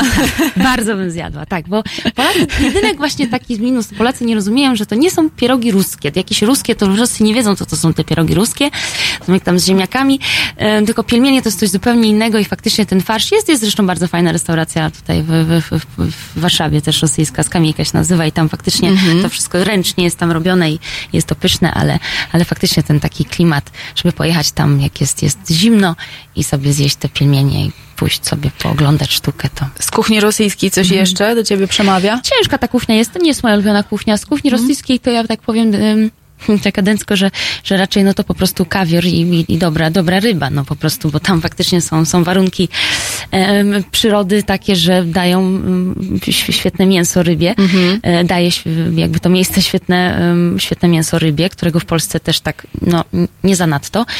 Ym, I generalnie to no, staram się unikać węglowodanów, więc to nie jest jakaś tam moja ulubiona kuchnia, ale raz na jakiś czas jak najbardziej e, można, można się posilić e, e, i, i zjeść coś tak dobrego. Czy twoja babcia tak przeskakuje z tematu na temat, ale jest. nasuwają mi się pewne skojarzenia po prostu. Mówiłaś o kuchni, e, o rybie, o e, zdrowym jedzeniu.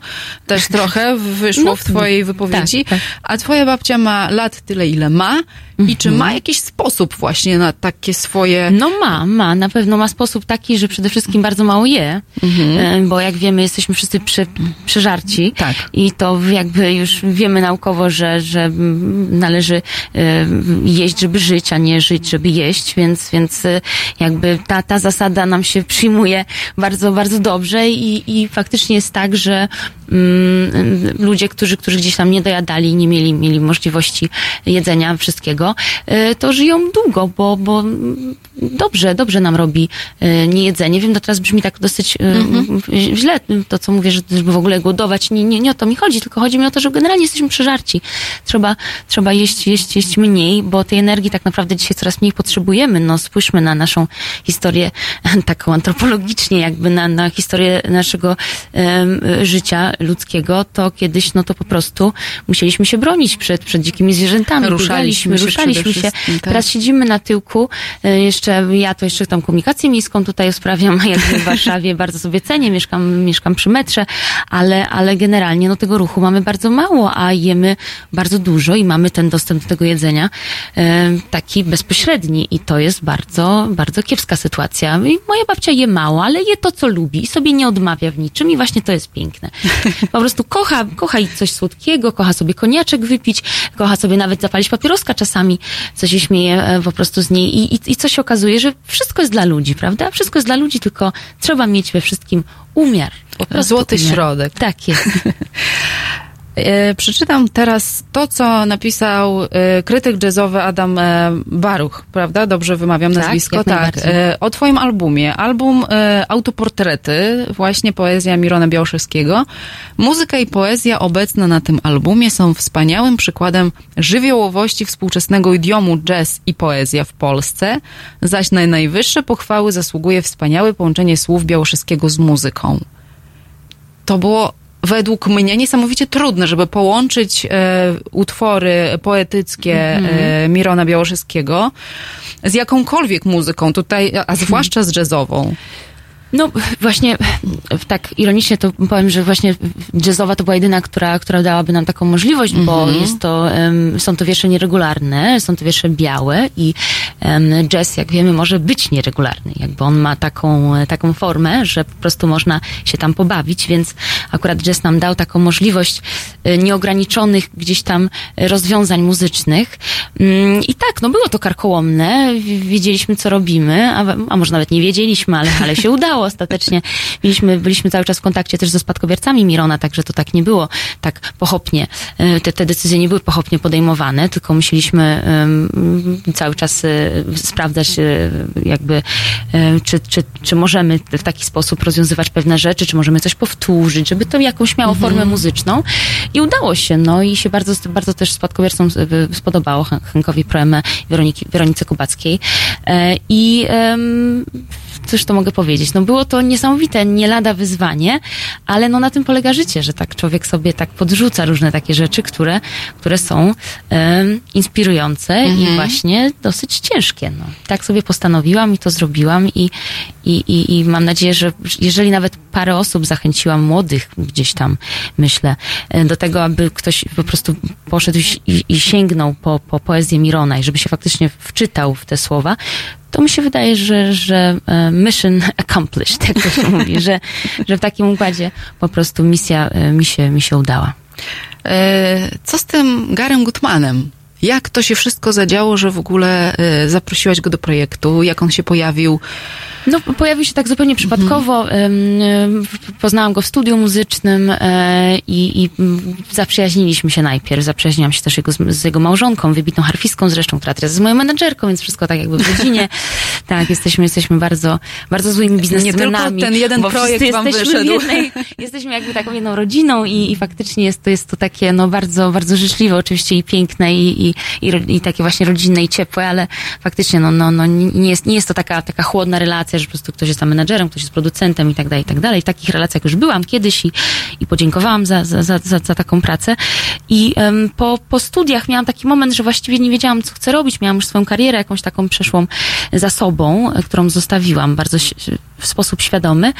I w, em, Gary zjawił się tak naprawdę zupełnie przypadkowo i em, no, dowiedziałam się, z kim on pracował. Między innymi z Aretą Franklin, z Polem Z Tomem Jonesem, mm, ym, z Michaelem Bublé, był jego producentem muzycznym, em, i dyrektorem muzycznym przez dwa lata. I, e, I tak się zastanawiałam, no, no, to tak brzmi, wiadomo, no, przyjechał do Polski, znaczy, że tam nic się takiego nie udało w sumie, no, bo to też mi, tak, każdy, kto w- tutaj przyjeżdża, znaczy, że tam nie, nie aż taka kariera była, prawda? A się okazało, że, że była, tak naprawdę była, tylko było parę żon, każdej żonie trzeba było coś zostawić e, i, i po prostu mm, zakochał się w Polsce i rzucił wszystko i to jest absolutnie e, no, nor, normalne, nie dziwię się, jakby akurat Garemu, bo zakochał się w wspaniałej kobiecie i, i, i tak naprawdę też musiał na nowo swoją, swoją gdzieś tam karierę tutaj budować e, i ja tutaj się pojawiłam i byłam takim pierwszym jego takim tworzywem gdzieś tam. Ja się też bardzo dałam, bo bardzo dużo się nauczyłam i cały czas się uczę. No i teraz była jedna płyta, teraz druga, teraz musical, który właśnie Gary też e, e, napisał, także bardzo dobrze nam się pracuje i, i tak, tak, to jest w życiu. Jakoś e, nikt się nie, nie dziwił, że kiedyś, nie wiem, Barbara Streisand czy, czy jakaś inna, oczywiście teraz tak się porównałam, e, jakby Ej, słusznie, było tak, słusznie. że wokalistki mają swoich kompozytorów, których, których czują. No, a Tak. Pugaczowa zawsze też miała swojego Oczywiście. wybitnego kompozytora, który zawsze był przy niej. On ją znał, znał jej głos, znał jej gust. I, i tak chyba jest właśnie z Chyba stany Będę go wykorzystać, póki żyje i będziemy robić, póki możemy. Świetnie. To y, y, zaraz zrobimy przerwę, y, usłyszymy Colors, a potem porozmawiamy dalej o Mironie. Dobrze.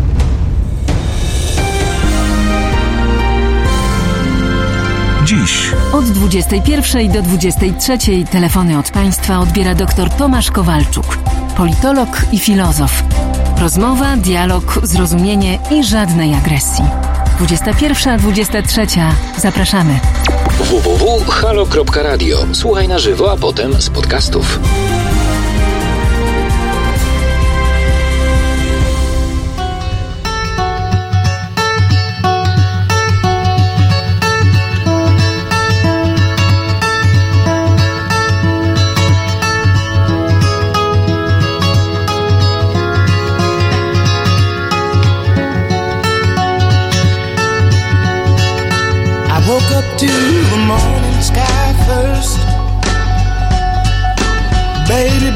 Just like we rehearsed.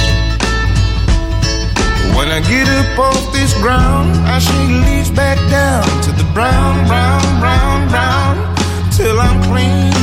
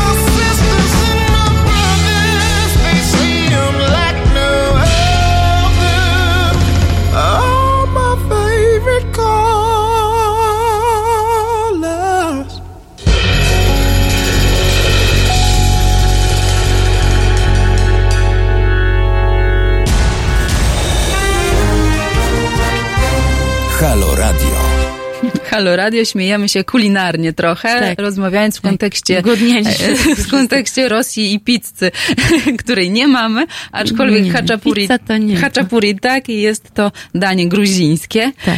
E, takie nasze kuluary tutaj, o. E, Tak teraz e, zdradziłam trochę temat rozmowy poza antenowej, ale wracamy do Saszy Strunin, która jest z nami. Miałaś trochę więcej twarzy niż jedną muzycznie w swojej karierze. Też przed chwilą powiedziałeś, że zostawiłaś świadomie pewien, pewien etap za sobą. Był on dość taki młodzieżowy, e, popowy. E, Fajny był, no, ale jest teraz zupełnie, e, e, zupełnie co innego. Dlaczego akurat jazz? Dlaczego poszłaś w tę stronę? No lubię wyzwania. Mm, W świecie rozrywki chyba nie ma nic bardziej takiego muzycznie e, wymagającego niż jazz. No jest opera, no ale to nie rozrywka, to już muzyka klasyczna. Więc tak, no, no wiem, że to, to, jest takie górnolotne stwierdzenie, ale faktycznie jest tak, że, że wymagałam od siebie bardzo dużo wokalnie i gdzieś tam czułam tą estetykę takiego luzu gdzieś tam i, i takiego pozbycia się wszystkich rzeczy dookoła i po prostu śpiewania o czymś. Na Mhm. jakiś temat, po coś. To też jest bardzo ważne, bo, bo jak mała młoda osoba śpiewałam coś tam, tylko nie wiedziałam po co i co. E, I dlaczego e, właściwie tak. Więc, więc e, to było mi wszystko bardzo jak najbardziej, jak najbardziej było mi to potrzebne, bo zyskałam technikę i, i, i, i obycie ze sceną i w ogóle ze, ze, jakby ze stradą, ze swoją, ze swoją branżą. Ale, ale później faktycznie ten jazz gdzieś tam, no to, to też nie było tak, że się zakochałam nagle w jazzie, posłuchałam sobie, prawda, Ella Fitzgerald i o, teraz będę śpiewać Ellen. Nie, no oczywiście jakby mm, interesowałam się tą muzyką już od dziecka i, i kochałam e, e, taki, tego rodzaju właśnie takiego, takiego śpiewu.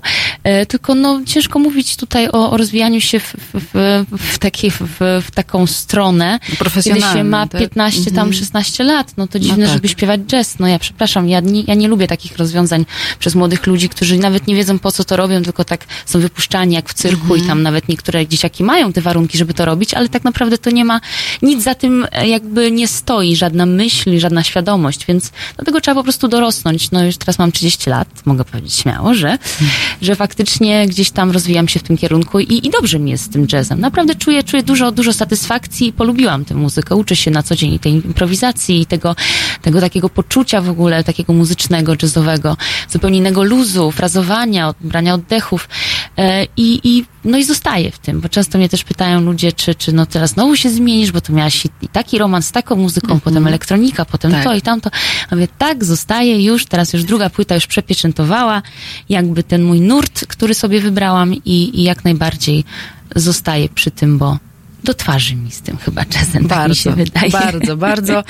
Czy myślisz o kolejnej płycie, czy jest to na razie... No, e, dopiero co wydałam tą, no, tak, ma, ma, tak. ma parę miesięcy zaledwie, więc ciężko, mm, to był na tyle taki angażujący projekt też intelektualnie, ze względu na to, że właściwie e, dotknęłam no, takiego, takiego symbolu li, literatury polskiej i to takiego wielkiego nazwiska, e, że gdzieś tam, e, oczywiście no mam jakieś tam pomysły i oczywiście człowiek od razu by wchodził do studia, ale to tak też nie o to chodzi, żeby być takim płodnym na siłę, Złapać oddech. tylko żeby tak. jednak może wydawać mniej tych płyt, ale tak, żeby, żeby one miały po prostu sens, ręce i nogi i, i były potrzeby serca tworzone. Mhm. Także myślę, że teraz akurat skupiam się, znaczy myślę, nie myślę, tylko skupiam się na, na musicalu, na też gdzieś tam po- pobocznie promocji właśnie te, tego albumu, który sobie idzie w swoim, swoj, w swoją, e, w swoim czasie E, i może w przyszłym roku coś gdzieś tam, coś pomyślimy, ale to jeszcze na spokojnie. Teraz jeszcze muszę się pocieszyć jeszcze tym Mironem. To jest bardzo fajne podejście, żeby się cieszyć z tego, co, Tak co się zrobiło Tak e, do tej pory, żeby w tym poprzebywać. Czy, czego słucha twoja babcia? Mnie, no, oczywiście, przede wszystkim, no to jest moja przecież fanka, no. Także jak ja jej słucham jej rad, to ona słucha mnie. Mm, e, czego słucha? No ona lubi właśnie to, to czym mnie zaraziła, dlaczego też ten, ten, ten e, taki, taki jazz noir, lata 30, 40, 50, em, tak naprawdę we mnie siedziały, bo, bo, bo ona mnie tym wszystkim zarażała.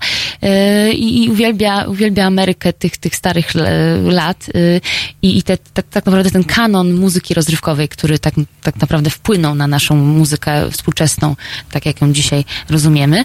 Mm, I słucha, słucha wszystkiego, tylko nie lubi mm, byle jakości, no po prostu. Ona lubi dobre głosy, ona ma dobry gust y, i e, to jest chyba jedyna rzecz, którą ma staroświecką, to właśnie ten, ten, ten dobry gust, tak naprawdę, bo jest bardzo współczesna, bardzo młodzieżowa, aż, aż bym powiedziała, że bardziej niż ja, ale co się tyczy właśnie tutaj, tutaj muzyki, kina i, i tak dalej, to bardzo mało jej rzeczy jest w stanie podpasować, bo ma bardzo taki wyrafo, wyrachowany... Duże wymagania. Taki, tak, wyrafinowany, chciałam powiedzieć, nie wyrachowany, bo wyrachowany to pejoratywnie, wy- wyrafinowany ma taki gust, więc, więc em, tak, też, też nauczyła mnie takiego poczucia estetyki Mhm. właściwie, Wła- właściwie jak najbardziej właściwego. Jestem, jestem bardzo jej za to wdzięczna.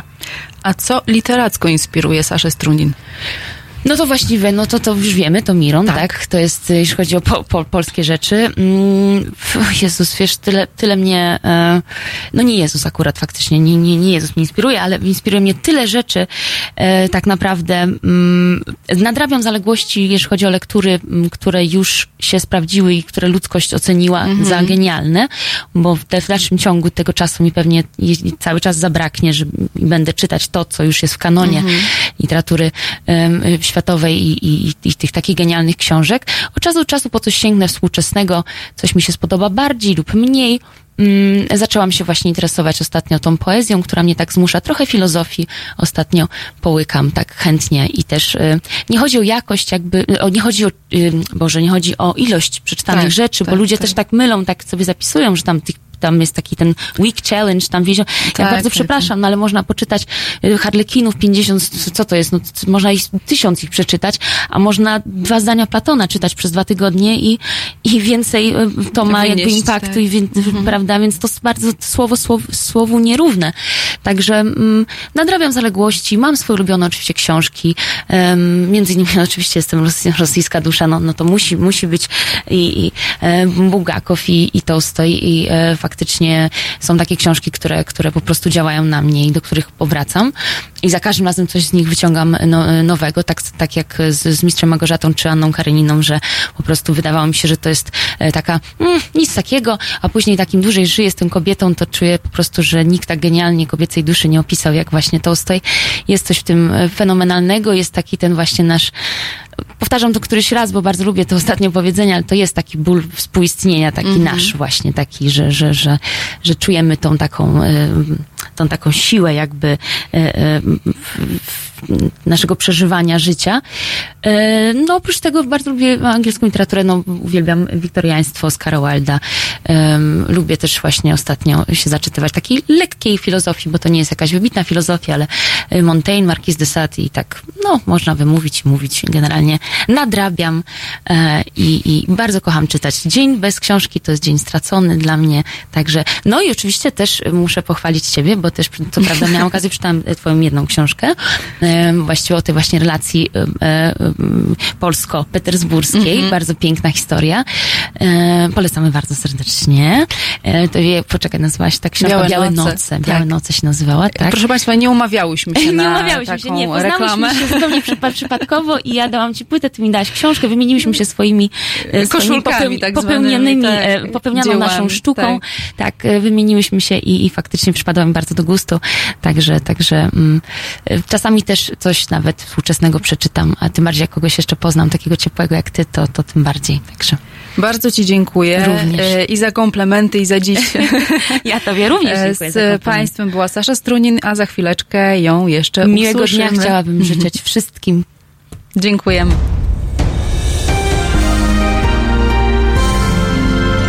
Dziś Od 19 do 21 Halo Tuzienia, czyli Eko Agata Skrzypczyk i jej zielony świat. 19.21. www.halo.radio. Słuchaj na żywo, a potem z podcastów.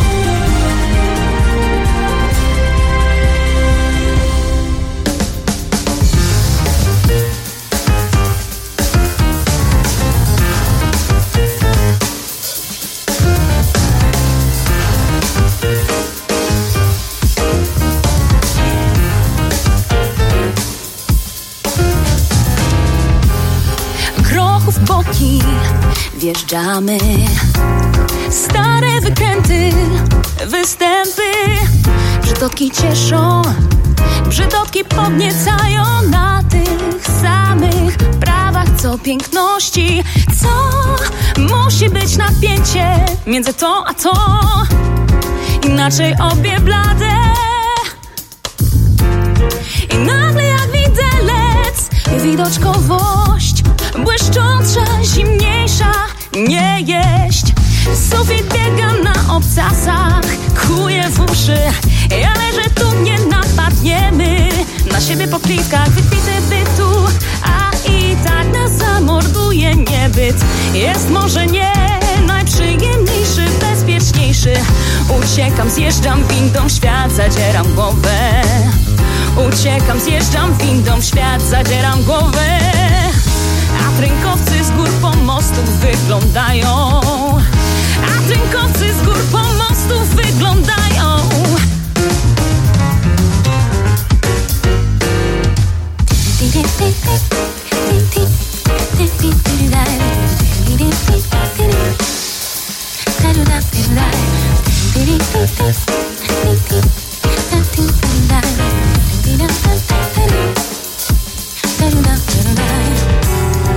A jak wrócę do siebie.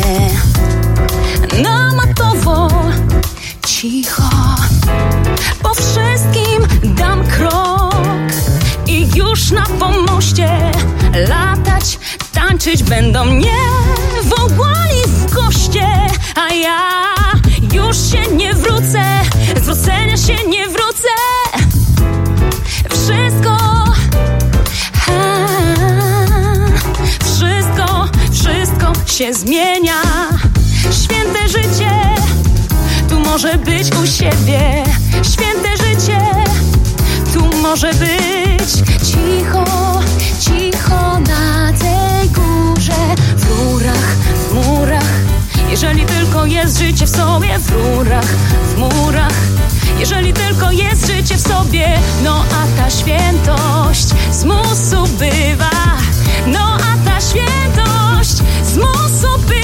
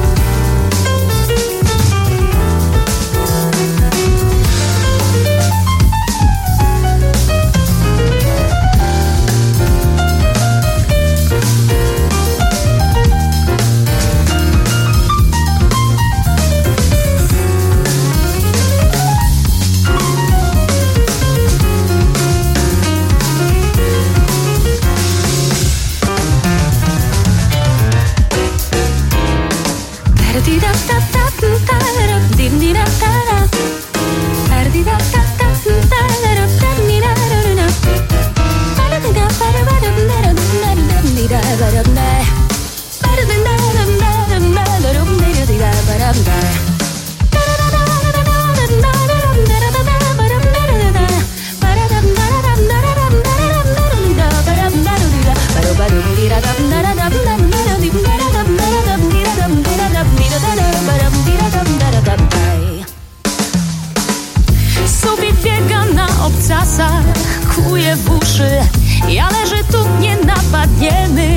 Na siebie po plitkach wykwity bytu A i tak nas zamorduje niebyt. Jest może nie najprzyjemniejszy, bezpieczniejszy. Uciekam, zjeżdżam windą, świat zadzieram głowę. Uciekam, zjeżdżam windą, świat zadzieram głowę. A dzynkowcy z gór pomostów wyglądają. A dzynkowcy z gór pomostów wyglądają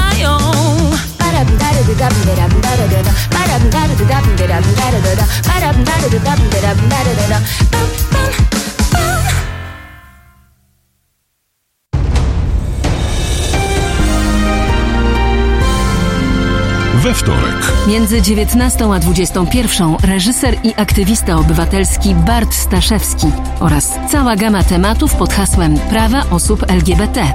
19.21. www.halo.radio. Słuchaj na żywo, a potem z podcastów.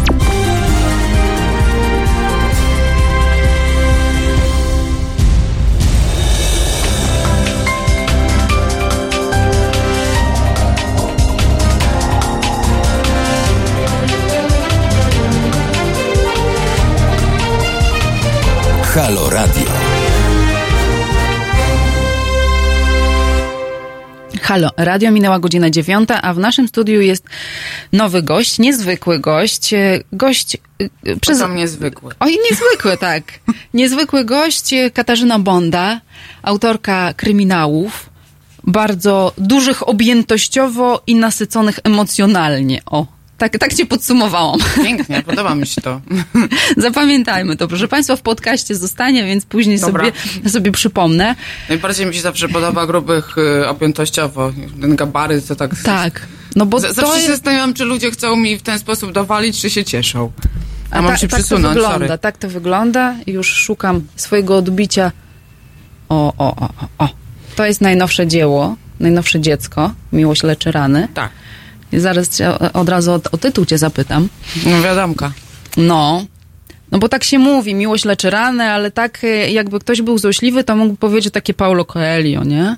Tak? No, wiesz, na zasadzie, że e, zaryca polskiego kryminału, kryminał to brzmi tak y, poważnie bardzo, Tak. a tu miłość w tytule. No, skandaliczne zachowanie. No bardzo.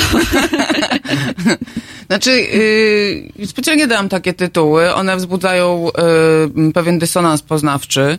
E, zanim opublikowałam okładkę, bo wcześniej tytuły nie ujawniałam też z tej przyczyny, bo wiedziałam, że będą takie reakcje. Jakby przewidziałam to i jakby to nie jest tak, że to jest przypadkowe i nagle zostałam Coelho. E, tylko yy, chciałam po prostu przekuć e, e, przekornie e, ten wątek dotyczący zbrodni w środku, no bo jest to historia o, o przestępcy, o mordercy de facto, zbudowana na prawdziwym elemencie, tak jak wiesz, więc jakby mm, strasznie mi się podobał ten wątek e, e, walki kobiety o niego i wiary w niego I, i, i w innym przypadku myślę, że ta historia sama strzelanina i wszystkie te elementy związane z tym, co już znam i co moi czytelnicy znają z moich powieści, czyli taki stricte klasyczna historia, y, bym powiedziała, e, nawet nie tyle kryminalna, co zagadki, tak? To y, tutaj to jest taka historia dla mnie osobiście archetypiczna, jak mit. Bardzo rzadko się takie zdarzają w rzeczywistości, które są absolutnie kompletne, więc jakby dla mnie e, wyzwaniem było w opowiedzeniu tej historii nie tyle no, e, przejście tych wszystkich elementów tak jak normalnie e, pracuje się nad fabułą e, powieści, tylko po prostu, żeby nie schrzanić, żeby nie schrzanić tej prawdziwej historii, żeby nie zepsuć jej, nie spłaszczyć jej i żeby ją dźwignąć w taki sposób, żeby wejść na taki poziom meta, e, żeby czytelnik miał poczucie, że czyta pewnego rodzaju baśń dla dorosłych, że funkcjonujesz w takiej przestrzeni magicznej i ta, e, i to, to, i to jest naprawdę niesamowite, ponieważ książka jest kilka dni na rynku, ale już bardzo wiele osób przeczytało i, i piszą mi, że, że czują to. Że jakby to jest taka naprawdę wyjątkowa historia, która jest de facto powieścią.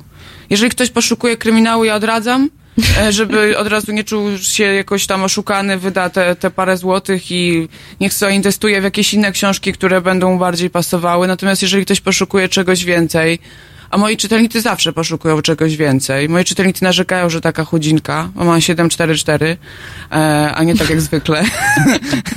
e, Mi się wydawało, że to jest najgrubsza z y, nie, przynajmniej... okularnik jest najgrubszy, czerwony pająk jest grubszy, wszystkie są grubsze właściwie, poza sprawą Niny Frank i, i, i tylko martwi nie kłamią i, i Czyli dokumentami. schudłeś w ostatnich czasach. Schudłam, tak, tak, dosyć się odchudziłam. Nie, po prostu, wiesz co, ja w ogóle się nie, y, tam, ja wiem, że są te arkusze, że tam trzeba liczyć, e, ja nigdy na to nie zwracam uwagi, ja opowiadam historię, w taki sposób, y, na ile mi to y, pozwala mój warsztat i zawsze mi tak wychodzi. Minimum 500 stron muszę mieć, żeby opowiedzieć historię, którą wymyślę, więc y, sama piszesz książki, więc wiesz dokładnie jak to jest, że każdy podchodzi do tego zupełnie inaczej, że po prostu są ludzie, którzy, dla których no, pewien lakoniczny zapis jest e, bardziej interesujący, nie potrzebują takiego zmysłowego opisu świata i ja zdaję sobie sprawę, że komuś może nie pasować moje podejście. Natomiast ja absolutnie osobiście najbardziej cenię takie książki, które mnie odrywają od rzeczywistości, że wpadasz jak do studni i kompletnie nie możesz się wydostać, dopóki nie skończysz tej opowieści. Tak samo mam z serialami, które oglądam i ze, ze wszystkim innym, jakby ja, to wynika z mojej obsesyjności, e, którą po prostu jakby pielęgnuję w sobie. To skoro już jesteśmy przy tym, to co inspiruje ciebie w literaturze? Czego szukasz? Jak... Och, kochana jesteś, że w końcu jakieś takie pytanie, gdzie mogę... Tak. Możesz E, długo mówić. Nie, nie, nie chodzi mi o to, że chcę długo, ale wiesz co, właśnie to jest tak, że em, ja czytam bardzo dużo i, czy, i bardzo mieszam. I czytam, e, jeżeli mam potrzebę takiego kompletnego resetu i relaksu, to biorę e, książkę, która e, jest kryminałem takim stricte, wiesz, tam krew na okładce, i jakiś taki las mroczny i, i, jest napisane, że to jest historia, która cię trzyma i jazda bez trzymanki, tak? Jakby czytam takie rzeczy, czytam wszystko oczywiście, co wychodzi na rynku Czasem nie do końca, bo ja już po dwóch e, stronach wiem, czy to mi leży, czy Tak. nie. I dochodzimy do sedna, bo e, bo czytam też bardzo dużo klasyki, e, wracam do historii, które znam. Na przykład są takie książki, które ja nieskończenie wiele razy czytałam. E, I się czuję tak, jakbym wracała do domu. E, Mhm. Jakbym, e, ja znam już fabułę, ja nawet znam zapis, ja niektóre sceny znam na pamięć. No, mówimy na przykład o, o, o pani Bowary, mówimy oczywiście e, o ża, żarze e, Sandora Maraja, mówimy o, o, o, o, czerwone i, i, i czarne, które teraz niedawno przeczytałam, która jest po prostu książką, jedną z książek mojego życia właściwie. No oczywiście Middlesex, Eugenidesa i tak dalej, i tak dalej. Ja mogę po prostu opowiadać, e, teraz przed oczami mam, mam tą moją szafę, bo mam taki, taką jedną półkę, która jest częściowo pusta, znaczy półki niektóre są puste, ponieważ na, ten, na tą ścianę nie trafiają wszystkie książki. Trafiają tylko te książki, które mnie zmieniają. Które e, dają mi coś na tym etapie życia, w którym jestem. I to nie ma znaczenia, że ja już to czytałam, bo Czarodziejską Górę mam pokreśloną całą, Mhm. ale za każdym razem, jak ją czytam, odnajduję nowe rzeczy, ponieważ jestem na innym etapie, inne rzeczy są mi potrzebne. I wtedy jest zupełnie inne e, frazy y, dają mi ten katarzis, jakby to ten rodzaj takiego oczyszczenia e, i, i, i takiego dotknięcia magicznego. Wiesz, takiego po prostu, kiedy masz połączenie z, ze wszechświatem właściwie, może tak. E, Czasem bywa też tak w przypadku opowieści właśnie stricte kryminalnej. Teraz niedawno przeczytałam książkę Dziewięć dni. E, debiut brytyjski. Polecam serdecznie. Nawet zrobiłam sobie zdjęcie i umieszczę wkrótce na Facebooku, bo ja umieszczam u siebie na mojej stronie tylko takie książki, które naprawdę mnie poruszają Mhm. i właśnie mi wywracają flaki na, na, na lewą stronę i, e, i sprawiają, że ja mi szczęka opada i albo wręcz się oczywiście wzruszam, albo albo dotyka mnie to, bo sobie uświadamiam. Wiesz, na przykład biorę książkę i się okazuje, że ona rozwiązuje moje y, różne dylematy. Czytając ją, y, ja wierzę w to, że my nie bierzemy książek przypadkowo, że to jest tak, że wybieramy oczywiście, kierujemy się okładką, kierujemy się jakimiś takimi... y, blurbami, ale zazwyczaj to się dzieje też w tym momencie, kiedy ty tego albo potrzebujesz znaleźć rozwiązanie, albo czytając i znajdując rozwiązanie, zdajesz sobie sprawę, że w tym momencie tego potrzebowałeś. Masz tak? No ja mam tak, że losuję książkę z półki, ja mam ich naprawdę sporo. E, losuję je, stawiam drabinę i po prostu wyciągam na chybił trafił. N- nie wiem na jakiej zasadzie, że kolor czy co okładka. Mhm. No czasem biorę autora, y, czasem to jest stara książka, a czasem to jest nowa książka. To, to właściwie nie ma znaczenia. No teraz na przykład mam ze sobą karierę Nikodemadyzmy, więc jakby e, wiesz, e, przed chwilą przeczytałam jakiś polski kryminał e, jednego z polskich autorów, nie polecę, bo mi się nie podobał, ale e, w każdym razie rozumiesz, jakby po tym biorę, biorę do Łęgę Mostowicza i jakby to, mimo iż już to czytałam, tak, ale to nie przeszkadza mi, bo to po prostu jest tak, że ja potrzebuję tak naprawdę tego klimatu, energii, tej zmysłowości, takich przestrzeni, które e, są niedotykalne. Mi nie chodzi już, ja jestem na takim etapie, że mi nie chodzi o wydarzenia. Nie chodzi mi o zapis, o plot, o wszystkie te elementy związane z bohaterem, tylko mi chodzi o to y, odznaczenia tych wydarzeń. O to, co Mhm. ona robi ze mną. I jakby I dlatego ja rozumiem absolutnie ludzi, którzy mówią, że nie cierpią moich książek, nie znoszą jakby mojego sposobu zapisu, nie odpowiada im. Wtedy oczywiście są takie argumenty merytoryczne, czyli ktoś ci mówi, no bo są za grube, bo jest za dużo postaci, bo po co tyle tej obyczajowości i za dużo e, e, społecznych tematów i psychologicznych i nie wiadomo po co tyle tej historii, a za mało kryminału. Ludzie to nazywają merytorycznie, ale prawda jest taka, i ja to wiem, że nam nie jest po drodze że my nawet w życiu byśmy nie złapali chemii, że to po prostu działa jak kontakt z żywym człowiekiem. I mi się wydaje, że. I dlatego ja szanuję to. Bo jeżeli ktoś e, nie chce ze mną być, nie chce ze mną przebywać, nie, nie sprawia mu przyjemności to, to ja po prostu odwracam się i szukam swojego człowieka. E, I, i, i, I mi się wydaje, że to jest postawa taka prawidłowa, tak? Zawsze ben, nikomu nie dogodzisz, e, wszystkim nie dogodzisz. Nie, nie, nie jesteś w stanie sprawić, że wszyscy będą cię uwielbiali, kochali. Zawsze znajdą się, jak ja to mówię, marudy. E, a one, one najgłośniej krzyczą. No bo kiedy ci jest dobrze, to nie masz potrzeby Oczywiście, wyrzucania tak. z tego. A, Oczywiście. a, je, a jeżeli e, coś cię wzburzyło albo coś ci, coś ci drapie, gniecie, masz drzazgę w nodze, no to po prostu mówisz o tym, tak? Więc jakby e, to jest tego typu kwestia. I mi się, ja na przykład, ja na przykład traktuję książkę też jako medykament. Mhm. Jeżeli źle jest, na przykład nie radzę sobie z czymś, albo nie wiem. I to nie ma znaczenia, czy to jest kwestia emocjonalna, czy to jest kwestia w zapisie, jestem w dołku, sama wiesz jak to jest. Mhm. Nikt ci nie pomoże. Musisz sama z tego wyjść. Choćby, nie wiem, ktoś bardzo cię kochał, to dopóki ty nie pokonasz w sobie jakiejś takiej bariery, jakiegoś takiego, bym powiedziała, ten szlaban musisz sama podnieść, nie? E, to ja wtedy biorę książkę i, e, i robię sobie wolne i mówię sobie, że w ogóle nic, tak? Uwielbiam czytać książki w łóżku. E, Nie, nie, nie wiem, jak można czytać na krześle, czy, e, czy tam, nie wiem, na sofie, czy... Uwielbiam też nosić książkę ze sobą i zawsze mam książkę. Nie pamiętam, żeby mi się zdarzyło, żebym szła na pocztę, choćbym szła tylko awizo, e, bo dostałam odebrać paczkę, żebym nie miała ze sobą książki, bo mi szkoda każdej minuty siedzenia w kolejce, czy do dentysty, Mhm. czy, czy w takich zwykłych, prozaicznych sytuacjach, a jak już gdzieś jadę, to w ogóle biorę kilka książek, bo nie mam gwarancji, że ta książka mi się spodoba i że to będzie czas na nią akurat. W związku z tym zawsze Nawet mam jeżeli masz taką książkę ze swoich ulubionych, ze swojej półki. Bo E, znaczy, jeżeli to, to jeżeli to jest tak zwany pewniak, no to Mhm. wiadomo, że go przeczytam. Tylko chodzi o to, że ja nie wiem, w jakim stanie psychicznym Rozumiem. będę.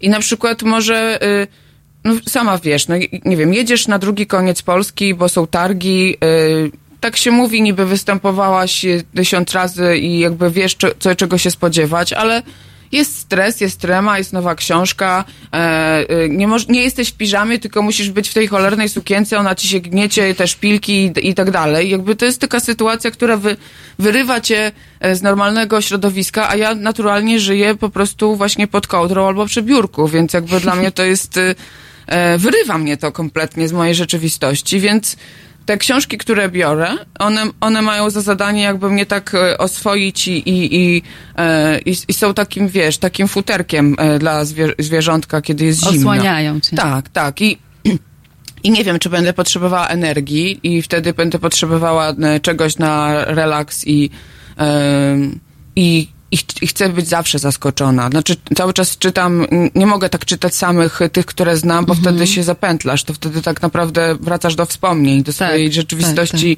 która już minęła. E, i, I to jest taki powrót do domu, jak mówiłam, albo nie wiem, przytulenie matki. E, a, a a inna rzecz zupełnie jest odkrywanie nowych rzeczy. Jakby od kiedy e, też czytam oczywiście dokumentacyjnie, to jest inny rodzaj czytania, albo czytam konkurencję na zasadzie sprawdzenia, jak, co w ogóle się dzieje na rynku.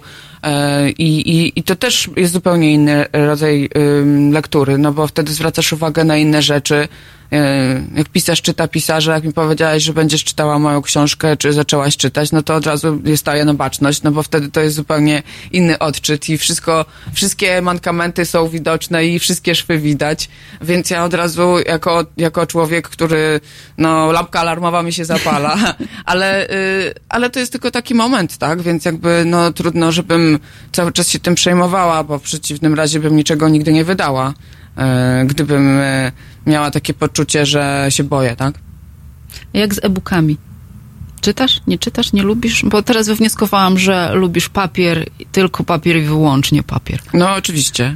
Jestem starą konserwą papierową i papier nie umiera nigdy. Jestem za papierem. Em, jestem za papierem przede wszystkim dlatego, że ja jestem, ja lubię empiryzm. E, lubię dotykać książkę, Maz, marzę, ma- bazgrze, zapisuję, notuję, zakładkuję. E, mam taką schizę z zakładkami, że ja po prostu muszę mieć pozakładkowaną. E, jak nie zakładkowana jest książka, to możesz być pewna, że ona w ogóle mnie nie wzięła i, i, i oddam ją dalej. E, bo ja oddaję książki, nie pożyczam książek w ogóle, nigdy. Kiedyś pożyczałam, to mi nie oddawali i czułam się jak taki e, okropny e, e, agresor, który musi cały czas przypominać, oddaj moją książkę, a jeszcze ludzie byli, są na tyle niesforni, że e, na przykład ci mówią, ja pożyczyłem? Nie, w ogóle, więc jakby, więc ja się już w ogóle czuję jak taki schizol. E, więc e, mówię wprost, ludzie zwykle reagują na znaczy, ja już teraz w ogóle się w niczym nie opieprzam, więc jakby to jest tak, że mówię, że ktoś mnie pyta, żeby pożyczyć, mówię, nie pożyczam, w ogóle nie ma opcji, tak? Jakby nikomu, no, e, bliskim też nie. Mogę ci kupić. Daję w prezencie, daję, rozdaję mnóstwo książek, oddaję na zawsze, bo uważam, że książka jest takim przedmiotem e, możesz dopasować do człowieka książkę i, i należy dawać książkę, jeżeli nie chcesz samej książki, tylko masz inny prezent, jako dodatek można dać, że to są emocje, które darujesz komuś. I uważam, że to jest najpiękniejsze. Natomiast y, pożyczanie książek i na tak jak ja miałabym pożyczyć moją książkę, która jest tak intymna, bo ją poznakowałam. Tam, wiesz, na niektórych książkach, nie wiem, na, na jednej z nich mam, y, akurat czytałam jedząc jednocześnie, no oczywiście jakby moja mama to słyszała, że ja jem jednocześnie y, czytając książkę, gdzie skaleczyłam się w palec, bo coś kroiłam i tam zakrwawiona jest, albo herbatą zalana kawą. k- kryminał? Nie, nie, to, to, to, to był chyba, to był chyba akurat Kierkegaard, ale, ale, ale, no akurat jakby mnie, mnie, mnie biorą takie książki, no nie wiem, ja sobie lubię poczytać Konfucjusza, otwieram na wszystko jedno jakiej stronie i tak sobie czytam i kontempluję te, te, te dwie frazy. I to, to mi dobrze robi, tak? Jakby, no, y, potem podlewam kwiatki. To jest taka moja modlitwa, więc jakby książek używam na różne sposoby.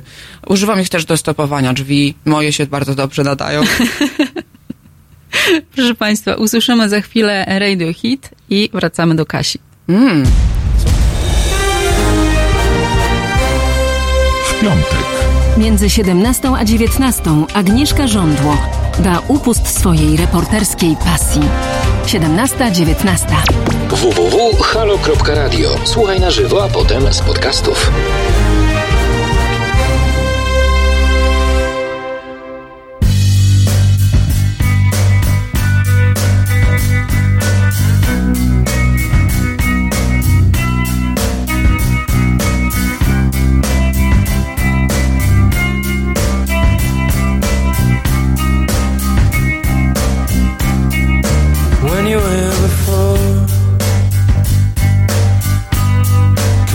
Eye. You're just like an angel. Your skin makes me cry. You float like a feather in a beautiful world. I wish I was special. So fucking special.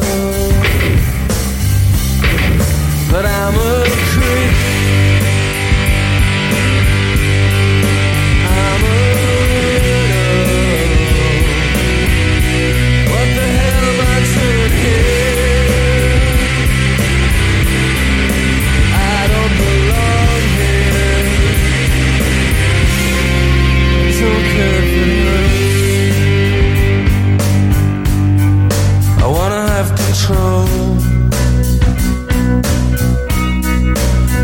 Perfect body.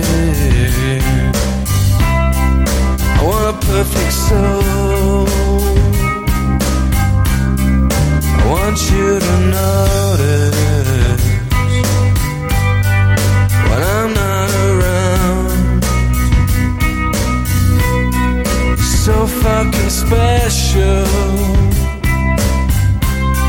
I wish I was special,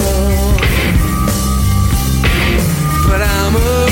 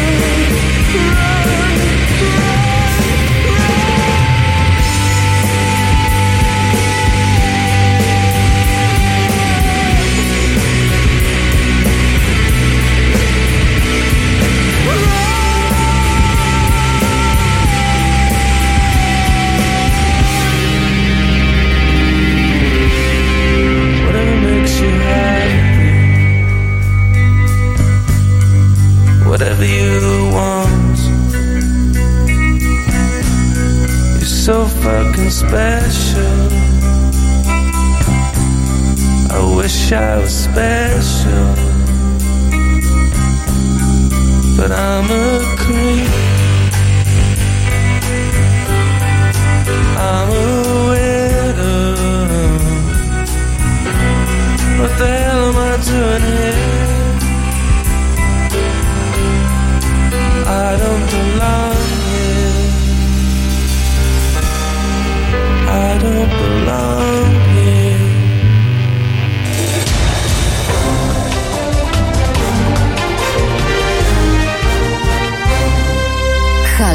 Radio.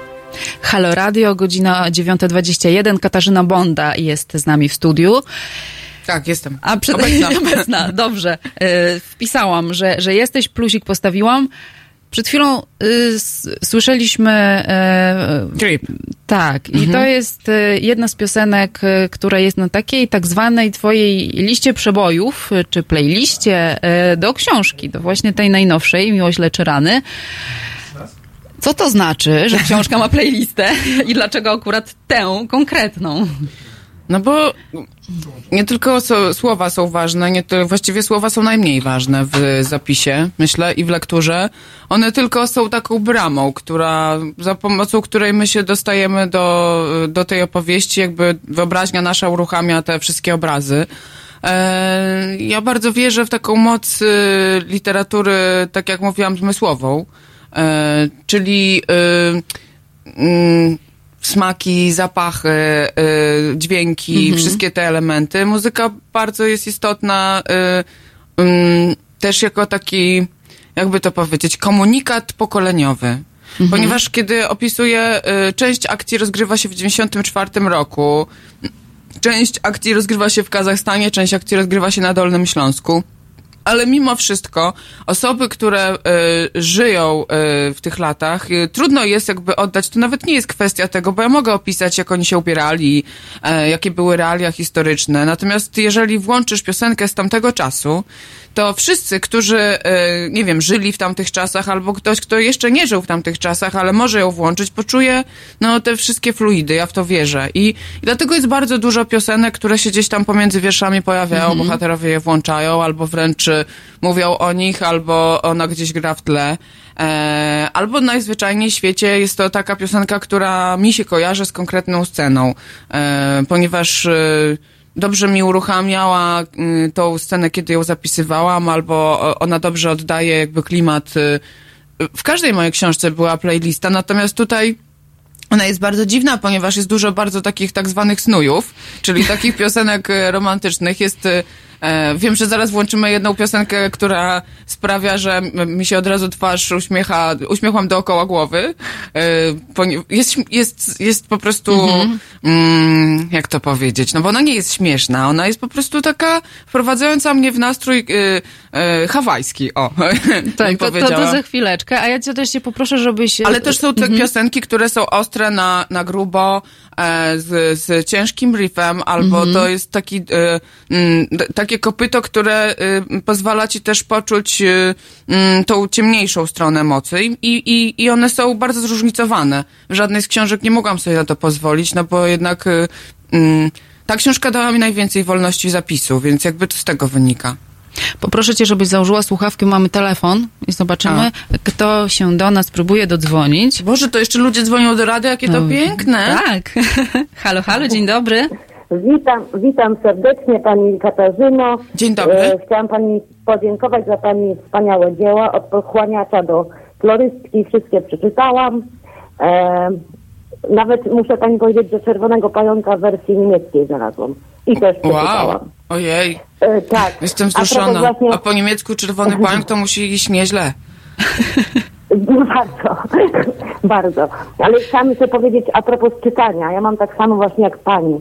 Jeżeli coś mnie zainteresuje, zaintryguje, to potrafię niejedną nockę zarwać, żeby dowiedzieć się, co będzie na koniec. O, I też wzbudza we mnie takie czytanie, ogólnie czytanie, wzbudza we mnie tą cząstkę dzieciństwa.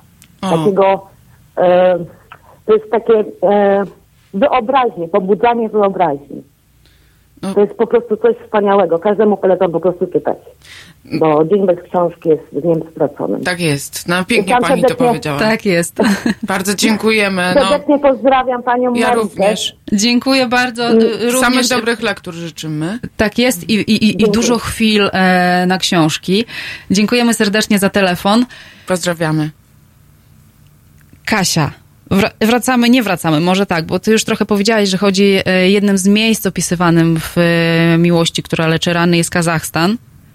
Tak. I jest Kazachstan e, z takiej mrocznej strony przedstawiony, bo tam się zaczęło dziać, zaczęła się ta, ta, ta tajemnicza zbrodnia. Tak jest. Tak. I w sumie moje pytanie miało być teraz nie o miejsce, bo o miejscu to jeszcze porozmawiamy, ale o to, y, że chciałaś tę książkę napisać już dawno temu, ale z pewnych powodów e, zrezygnowałaś i nawet w posłowiu chyba e, trochę uchyliłaś rąbkę tajemnicy, że e, nie czułaś się za bardzo komfortowo i bezpiecznie może nawet z tym tematem i dlatego to porzuciłaś. Teraz już czy y, co sprawiło, że teraz wróciłaś? Czy czas rzeczywiście wyleczył jakieś tam y, Rany. tak, nawiąza- nawiązując do tytułu.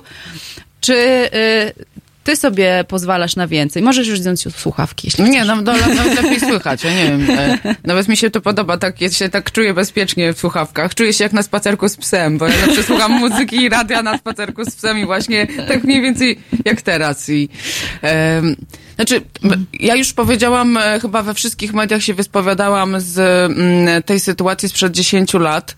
E, nie będę tego opowiadać, zwłaszcza, że w posłowiu bardzo precyzyjnie na kilku stronach to opisuję i myślę, że czytelnik y, Chciałabym, żeby najpierw przeczytał książkę, a potem dopiero się dowiedział tych kuluarów, bo one Mhm. W gruncie rzeczy dla powieści są nieistotne. Em, Problem polega na tym, że w dzisiejszych czasach, kiedy wychodzi twoja książka, e, e, wydawca robi tak zwane działania marketingowe i oni roz, rozsyłają do wszystkich dziennikarzy, do wszystkich komunikatorów, do wszystkich blogerów, e, do całego świata tak, jak- taką kartkę ze skrótem, że właściwie niektórzy już nie muszą niczego czytać, tylko to, co jest najważniejsze. Jakby i tam zostało e, że tak powiem, wypunktowane e, te wszystkie elementy, o których ty mówisz. Jest to prawdą. Nie mogłam tej książki 10 lat temu napisać, ponieważ grożono mi, szantażowano mnie. E, e, sytuacja była na tyle niebezpieczna. Skakowano mi dyski, zabrano mi cały materiał. No Jakby były prowadzone działania prewencyjne, żeby mnie nastraszyć. I były one prowadzone skutecznie. Ja odpuściłam. Szczegóły, do, do, jeśli chodzi o szczegóły, odsyłam do y, powieści i do posłowia. I też do wywiadów, które już udzieliłam, dlatego że nie chcę być takim leśnym dziadkiem, co w kółko opowiada to samo. Y, nie da się po prostu na y, y, wysokich emocjach w kółko opowiadać o tym. Y, y, no nie wiem, ja nie jestem aktorką, ani nie opowiadam dowcipów, nie jestem stand-uperem, więc przepraszam cię, ale nie czuję się na siłach. Powiem ci coś zupełnie innego. Mianowicie, dla mnie teraz z tej perspektywy, jakiej jestem, czyli po 19 latach od momentu, kiedy ta historia do mnie przyszła, kiedy poznałam protoplastów moich bohaterów, Unkasa i Janie Ząbkowic-Śląskich, których serdecznie pozdrawiam. Dziękuję, że mogłam napisać tą książkę, że obdarzyli mnie zaufaniem i że to ja miałam zaszczyt jakby tą historię ludziom opowiedzieć, bo do tego się tak naprawdę sprowadza moje dzieło. E, widzę to tak, że wszystko to w gruncie rzeczy nie ma znaczenia. To tak jak z urodzeniem dziecka, wychowywaniem dziecka, wszystkimi niedospanymi nocami, bólami porodowymi, wszystkimi perturbacjami, to, że jest chore, e, że ty musisz pode- podejmować różnego rodzaju wybory w imię tego, żeby twoje dziecko rosło, żeby dojrzewało, żeby zapewnić mu bezpieczeństwo. I potem widzisz takie prawie dorosłe stworzenie, które jest absolutnie genialne i jest w ogóle lepszą wersją ciebie. I tak samo jest z tą książką. Dla mnie Przepraszam bardzo. Ja wiem, że to jest dla mediów bardzo interesujące, straszenie i grożenie. Nie ma to żadnego znaczenia. Została wykonana procedura w tamtym czasie, która pozwoliła mi na bezpieczne wyjście z tej sytuacji. I ja zamknęłam ten temat. I byłam absolutnie przekonana, że ja już nigdy tej książki nie napiszę.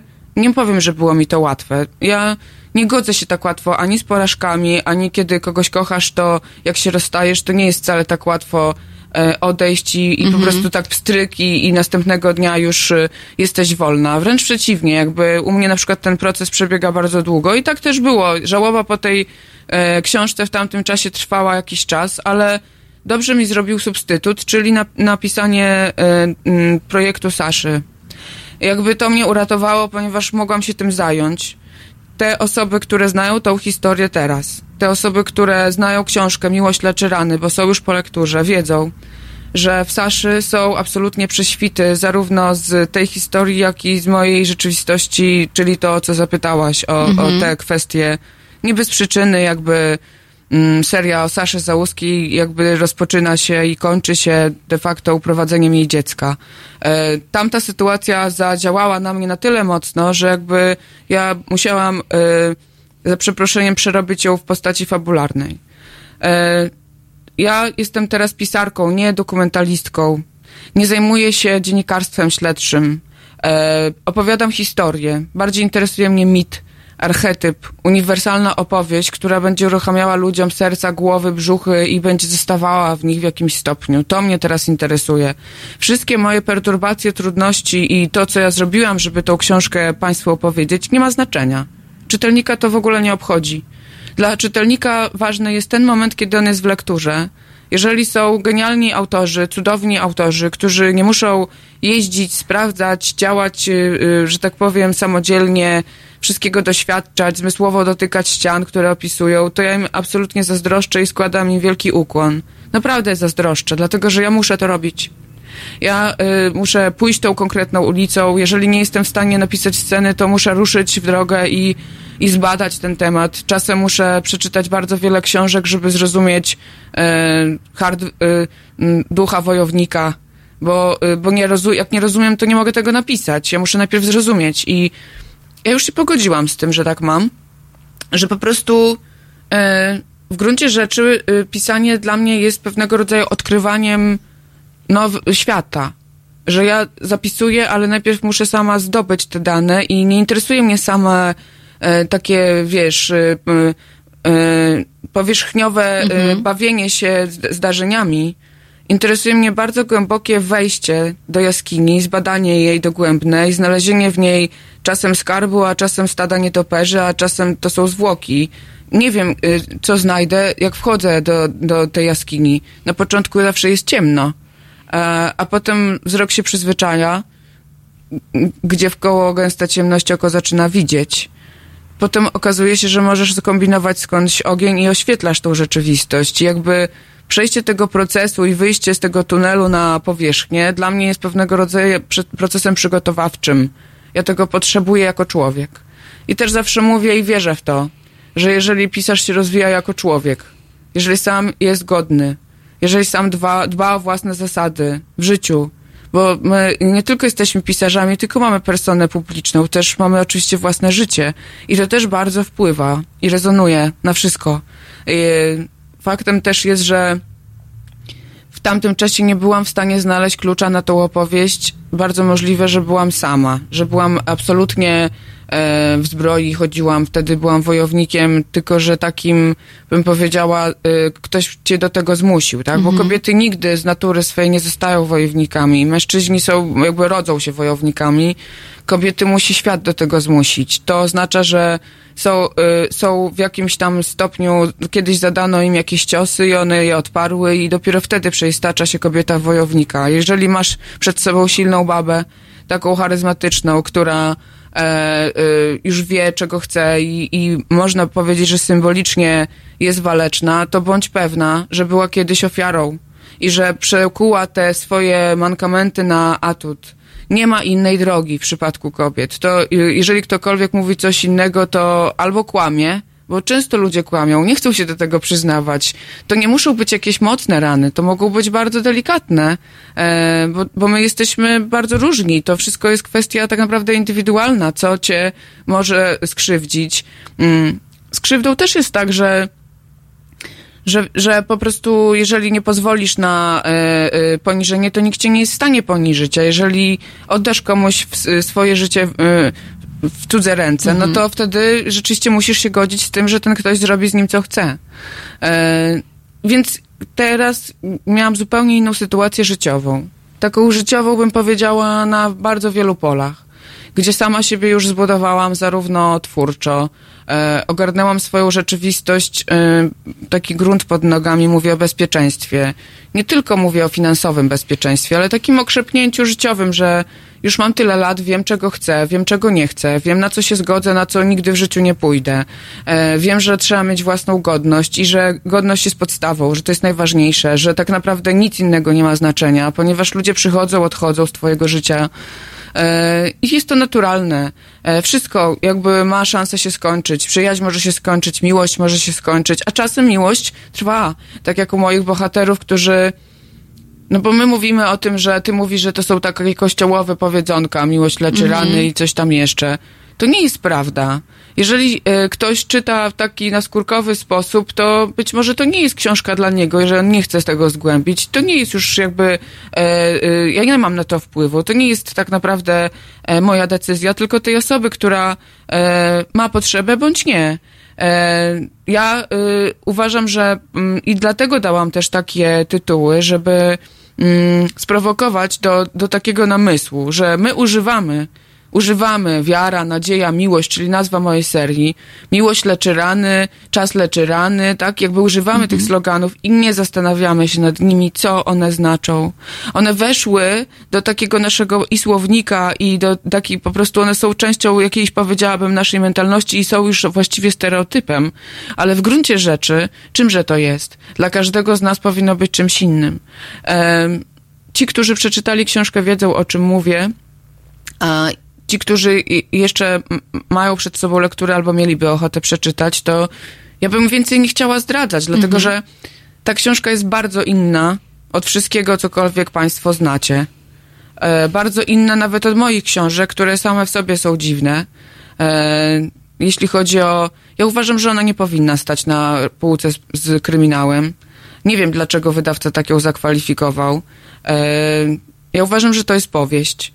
Więc y, spodziewam się również y, tego rodzaju komentarzy, że bierze to ktoś do ręki i myśli, że to kryminał i jest zawiedziony i w związku z tym e, twierdzi, że, y, że mu się nie podoba. Jakby to jest błąd klasyfikacji. Natomiast w dzisiejszych czasach musisz być gdzieś zaszufladkowana. Nie możesz po prostu pisać nowa powieść Katarzyny Bondy, tylko musisz gdzieś stać na jakiejś półce. Twoje książki też stoją na konkretnej półce. Ten wydawca gdzieś cię klasyfikuje i mówi ci, będzie pani stała tutaj. No bo w księgarni mamy konkretne Tak. półki i ja tego w ogóle nie rozumiem. Dlatego, że y, y, no to jest znak naszych, naszych czasów, tak? E, trzeba się na to zgodzić. Natomiast y, z mojej perspektywy dla mnie nie ma znaczenia, czy ja czytam literaturę piękną, czy książkę dokumentalną, czy otwieram sobie Konfucjusza, czy I Ching. E, to tak naprawdę dla mnie nie ma znaczenia. Ważne jest dla mnie to, czy ta książka mnie porusza, czy ona y, daje mi to, czego ja nie znam. To też Mhm. jest bardzo ważne, wiesz? Że ja po prostu już poszukuję książek, które pokażą mi całkowicie nową drogę. Taką drogę, która, e, którą ja jeszcze nie kroczyłam. Taką e, przestrzeń, która, no nie wiem, zachęci mnie do zgłębiania tego tematu, e, do, do, nie wiem, do poczytania o jakichś elementach, e, nie wiem, właśnie historycznych tamtych czasów, w których to się rozgrywa, albo e, zachęci mnie do tego, żeby znaleźć e, in, inne dzieła tego autora, żeby zobaczyć, porównać, w jaki sposób on się rozwijał, e, albo e, była przed, przede mną e, pani, która mówiła pięknie o Annie Kareninie i, i, i, e, i klasyce, i, i Buchakowie i tak dalej. I jakby, nie wiem, no ja przeczytałam nie wiem ile razy Annę Kareninę i za każdym razem e, znajduję tam coś nowego. I oczywiście jakby to zgadzam się z tym, co ona mówiła, tylko że te, te, te refleksje dotyczące kobiecości i jakby tych wszystkich postrzegania tej rzeczywistości, no jeśli chodzi o takie relacje e, damsko-męskie, to ja miałam kilka lat temu. Teraz jak to czytam, to znajduję detale w jaki sposób on opisuje postaci i dlaczego y, zakłada y, y, Kitty sukienkę fioletową, a Annie czarną. Jakby, rozumiesz, poszukuje takich elementów, które, e, bo już jak tak dobrze znasz opowieść, to te detale są niezwykle ważne. I kiedy ja piszę książkę, dlatego też dbam bardzo o to, żeby każde słowo, każdy detal, każde porównania, każdy ptaszek, który tam się pojawia i e, każdy fragment e, tego użyna, który, e, którym posługuje się jakiś bohater, czy e, e, wygląd konkretnej postaci, która nawet pojawia się epizodycznie, on nie jest przypadkowy, dlatego że ja wiem, że jeżeli moja książka przetrwa, to będzie ktoś ją czytał za jakiś czas i będzie to miało dla niego znaczenie. Tak jak dla mnie ma, jaką sukienkę nosi Anna Karenina, a jaką Kitty. Nie chodzi o e, kwestię próżności, tylko chodzi o to, że to są tak naprawdę podświadome wybory hologramiczne, które potem warunkują ich los dalszy. I to się pojawia na samym początku tej opowieści. Uważam, że to jest najpiękniejsze w dobrej literaturze. Jak ja Ci dziękuję za tę wypowiedź, naprawdę. Over the Rainbow przed Państwem i wracamy.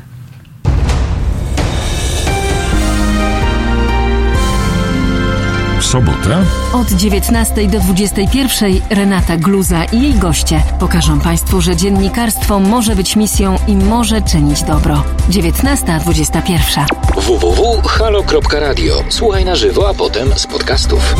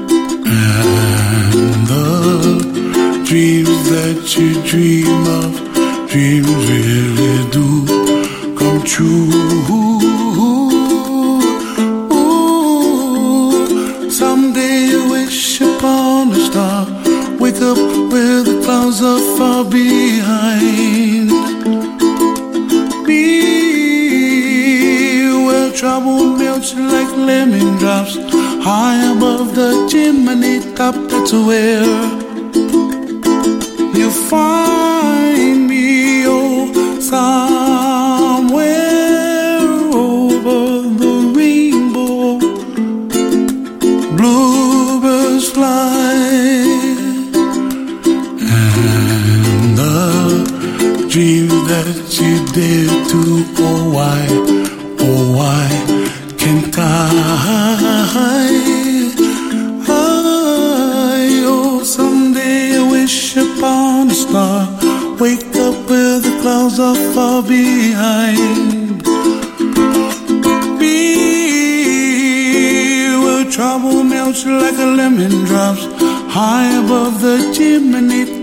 That's where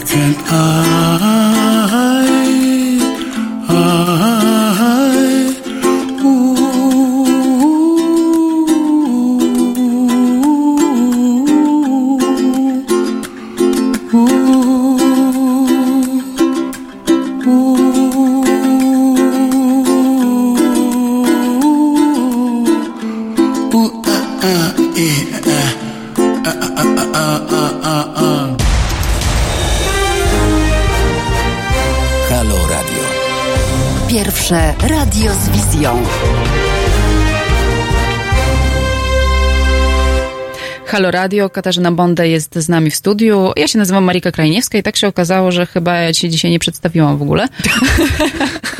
Więc może zróbmy to teraz na zakończenie. Brawo dla tej pani, naprawdę.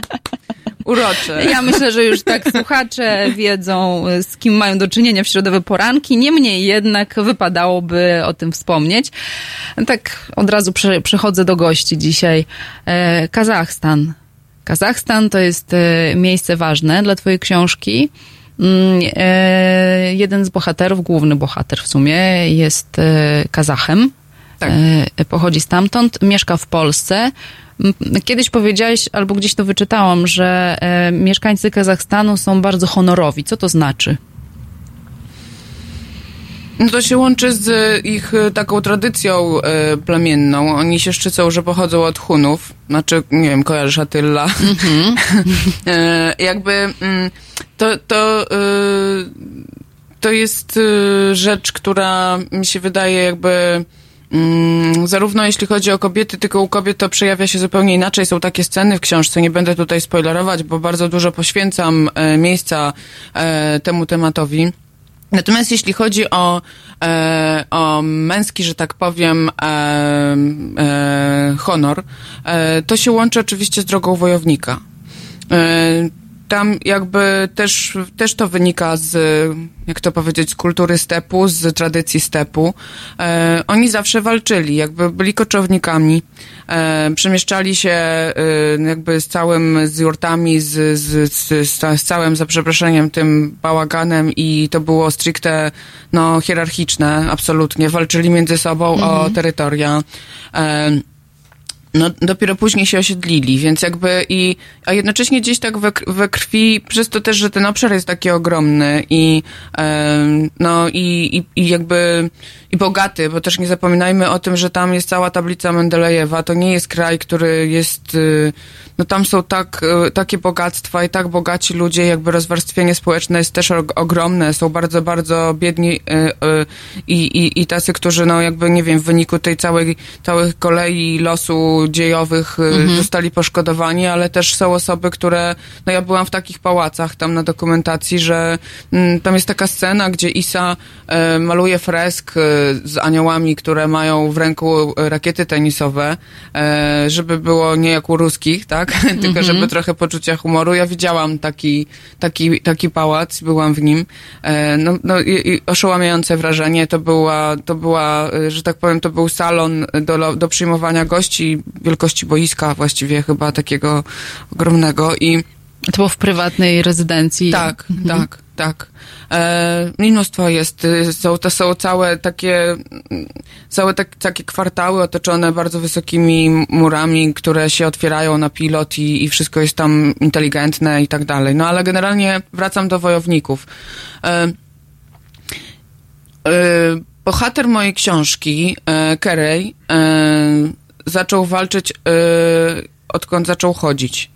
Jakby idzie to w naturalny sposób. Przez to, że był synem mistrza sambo, e, mistrza, e, mi- mistrza e, na, na całą Azję e, Środkową i, i, mnóstwo, mnóstwo różnych medali. To jest wzięte z rzeczywistości, Mhm. no bo ojciec e, protoplasty e, no ma taki, że tak powiem, e, życiorys e, i w ogóle jest szanowanym wojownikiem w tamtym, e, w tamtym rejonie. No, założył swoją szkołę sztuk walki i to jest mniej więcej tej samej klasy, co klasztor Shaolin w Chinach, więc jakby to jest mega e, duża rzecz. W związku z tym jakby wychowywanie dzieci w tamtych e, rejonach, a zwłaszcza chłopców, bo jakby nie ma tradycji, że kobiety walczą, tylko mężczyźni, ale mężczyźni wszyscy, niepełnosprawni również, e, nie ma znaczenia narodowość, bo pamiętajmy, że tam jest kocioł narodowościowy również, to nie jest tylko tam tak, że są tylko Kazachowie. E, zresztą przez wiele lat e, Kazachowie stanowili mniejszość narodu, przez to, że jakby to była taka kraina, do której zrzucano z różnych stron. Tak. Więc ten, ten, ta kwestia jakby wymieszania kulturowego, religijnego i w związku z tym też i tolerancja na inność, i, ale też i y, poziom duchowości jest tak wysoki tam i niesamowity. I tak i ten miks jakby sprawia, że mm, te wszystkie kultury, one jakoś ze sobą y, jednocześnie współpracują, więc mamy i buddyzm, i szamai, szamanizm, Mhm. i hinduizm, i chrześcijaństwo, i, e, i prawosławie, i katolicyzm, i mnóstwo, mnóstwo innych jakby też wierzeń, ale ta wiara odgrywa ogromne znaczenie przez to, że e, no po pierwsze masz e, z jednej strony takie e, siły natury, które wpływają na ludzki los. Jest na przykład, nie wiem, ta zamyć śnieżna buran, która niszczyła im wtedy no, e, zwierzęta, które, e, które oni hodowali, przychodził głód i, sprowadzała tak zwany dżut, czyli taką straszliwą chorobę.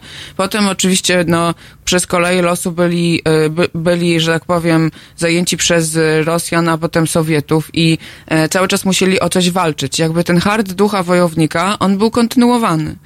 I dochodzimy do wojowników, bo z tym honorem łączy się tak naprawdę nie, nie jest kwestia tylko wojownik, czyli osoba, która idzie i używa pięści, albo używa konkretnych narzędzi, albo Mhm. dzieci, które od tego się zaczyna książka, bawią się po prostu walcząc. I, i, I mają wystrugane własnoręcznie noże drewniane, którymi się umieją posługiwać, chociaż mają po kilka lat. I mają stary urząd nieczynny, w którym chowają papierosy podkradane od ojców.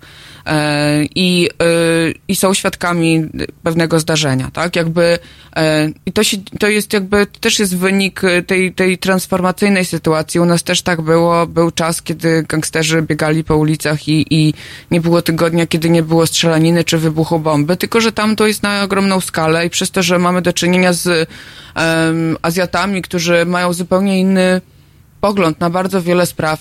Na przykład, nie wiem, jest taki bohater, który który mówi o tym, że bohater, którego, którego zniszczono, którego ten gang, y, y, y, nie będę opowiadać, e, który ma kryszę organów ścigania, czyli taką ochronę, który zapewnia im, że tak powiem, bezkarność. Zamordowano temu, temu bohaterowi e, żonę i córkę, jego zniszczono i, i doprowadzono do sytuacji absolutnie najniższej w drabinie Mhm. społecznej, e, a on nadal jedyne co mu zostało to myśl o zemście i to sprawia tylko, że on jest w stanie dalej żyć. No i, i, i nie będę więcej opowiadała, jakby to jest też jedna z kluczowych postaci, mimo iż drugo albo trzecioplanowa.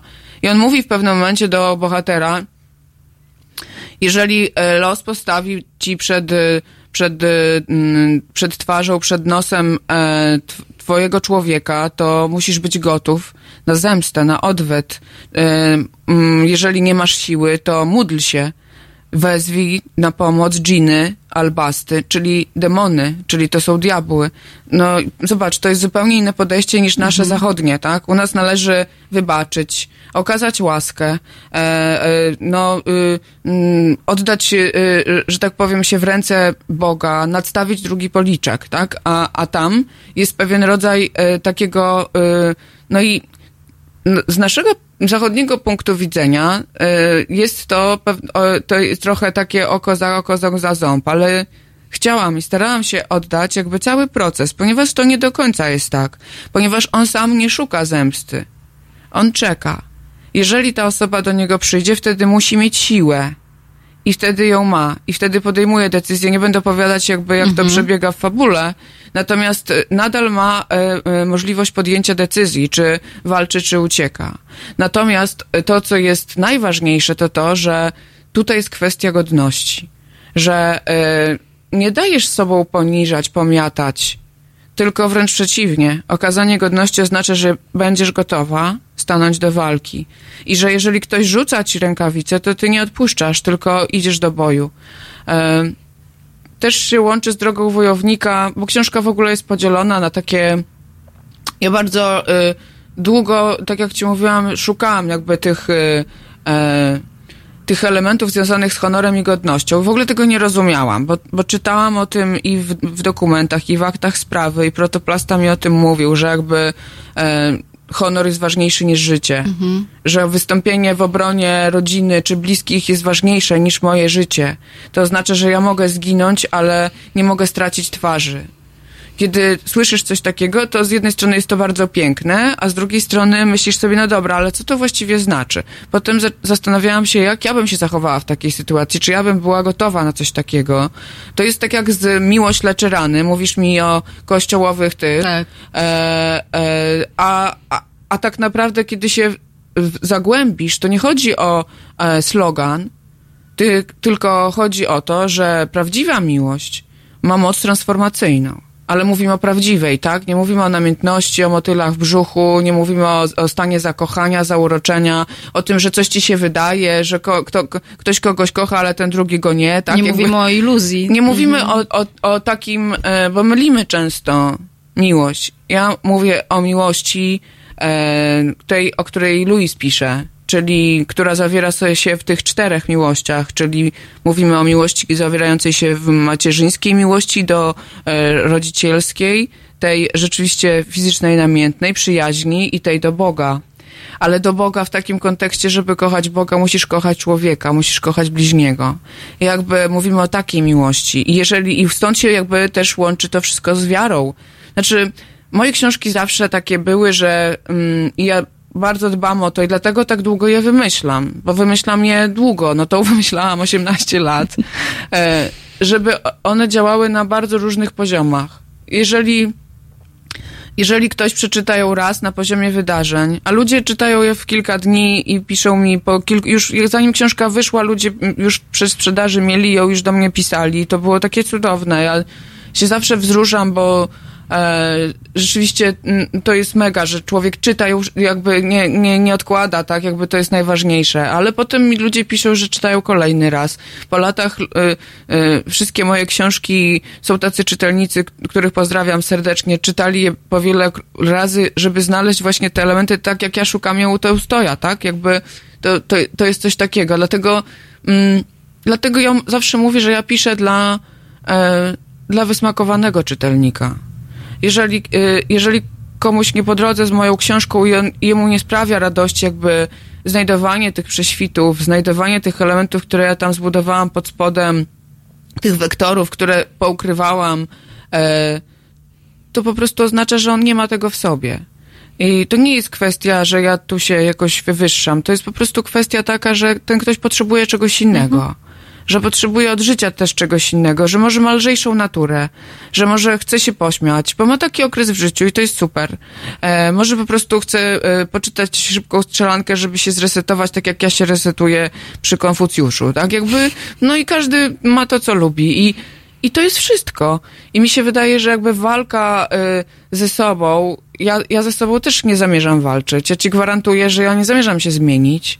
Jeżeli ludzie przestaną mnie czytać, bo mnie cały czas wydawca straszy i wszyscy ci y, inni ludzie, którzy chcą mi, y, mówią, że życzą mi dobrze że, i, i, dają mi takie złote rady. Zawsze tak, tak, tak, y, takie są, są Zwykle to są osoby, które na przykład bardzo długo są już na, na za przeproszeniem, rynku wydawniczym, znają się, wiedzą, widzieli różne osoby, które wy, wywindowały się, Mhm. e, a potem spadły i już się nie sprzedają. No, no te, to, to wszystko ja bardzo cenię takie doświadczenie. Natomiast wszyscy ci ludzie za każdym razem mi powtarzali, że no musisz się zmienić.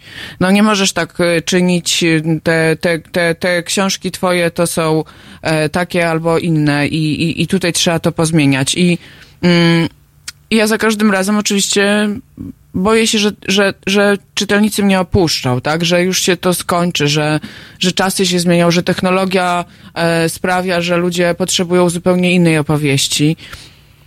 Ale ja zapewniam, że ja po prostu dalej będę szła swoją drogą, będąc blisko siebie, bo po pierwsze inaczej nie umiem. I to jest najważniejsze, że ja po prostu nie zamierzam udawać kogoś, kim nie jestem. A po drugie, nawet jeżeli będę pisała dla garstki czytelników, ja już przerabiałam biedę. Ja po prostu będę y, y, miała niskie koszty, umiem to zrobić, ale będę opowiadała tak, jak chcę. Tak, jak ch- sama chciałabym czytać. Więc y, ta droga wojownika, którą tutaj przeszłam przy okazji tej książki, bo to jest najważniejsze. Tylko widzisz, no gdybym dała tytuł związany z wojownikiem, to byłoby no zupełnie nie w moim stylu, bo to by było przewidywalne. A to, co dla mnie jest najważniejsze, to jest y, właśnie zaskakiwać ludzi. Wrzucać ich po prostu w taką przestrzeń dysonansu, gdzie oni po prostu nie czają, ale halo, ale o co chodzi? Najpierw pierwszy moment jest taki, ale co pani zwariowała? Już całkiem pani odwaliło, e, a moi koledzy po piórze to, ale, ale, ale co tobie jest? Tobie już ta, od tej miłości to już ci się tak tam fiksum dyrdą, jakby wprost mi mówili. E, więc ja mówiłam zawsze, zobaczysz. Ja pamiętam, jak ja dałam tytuł takiej książce Pochłania.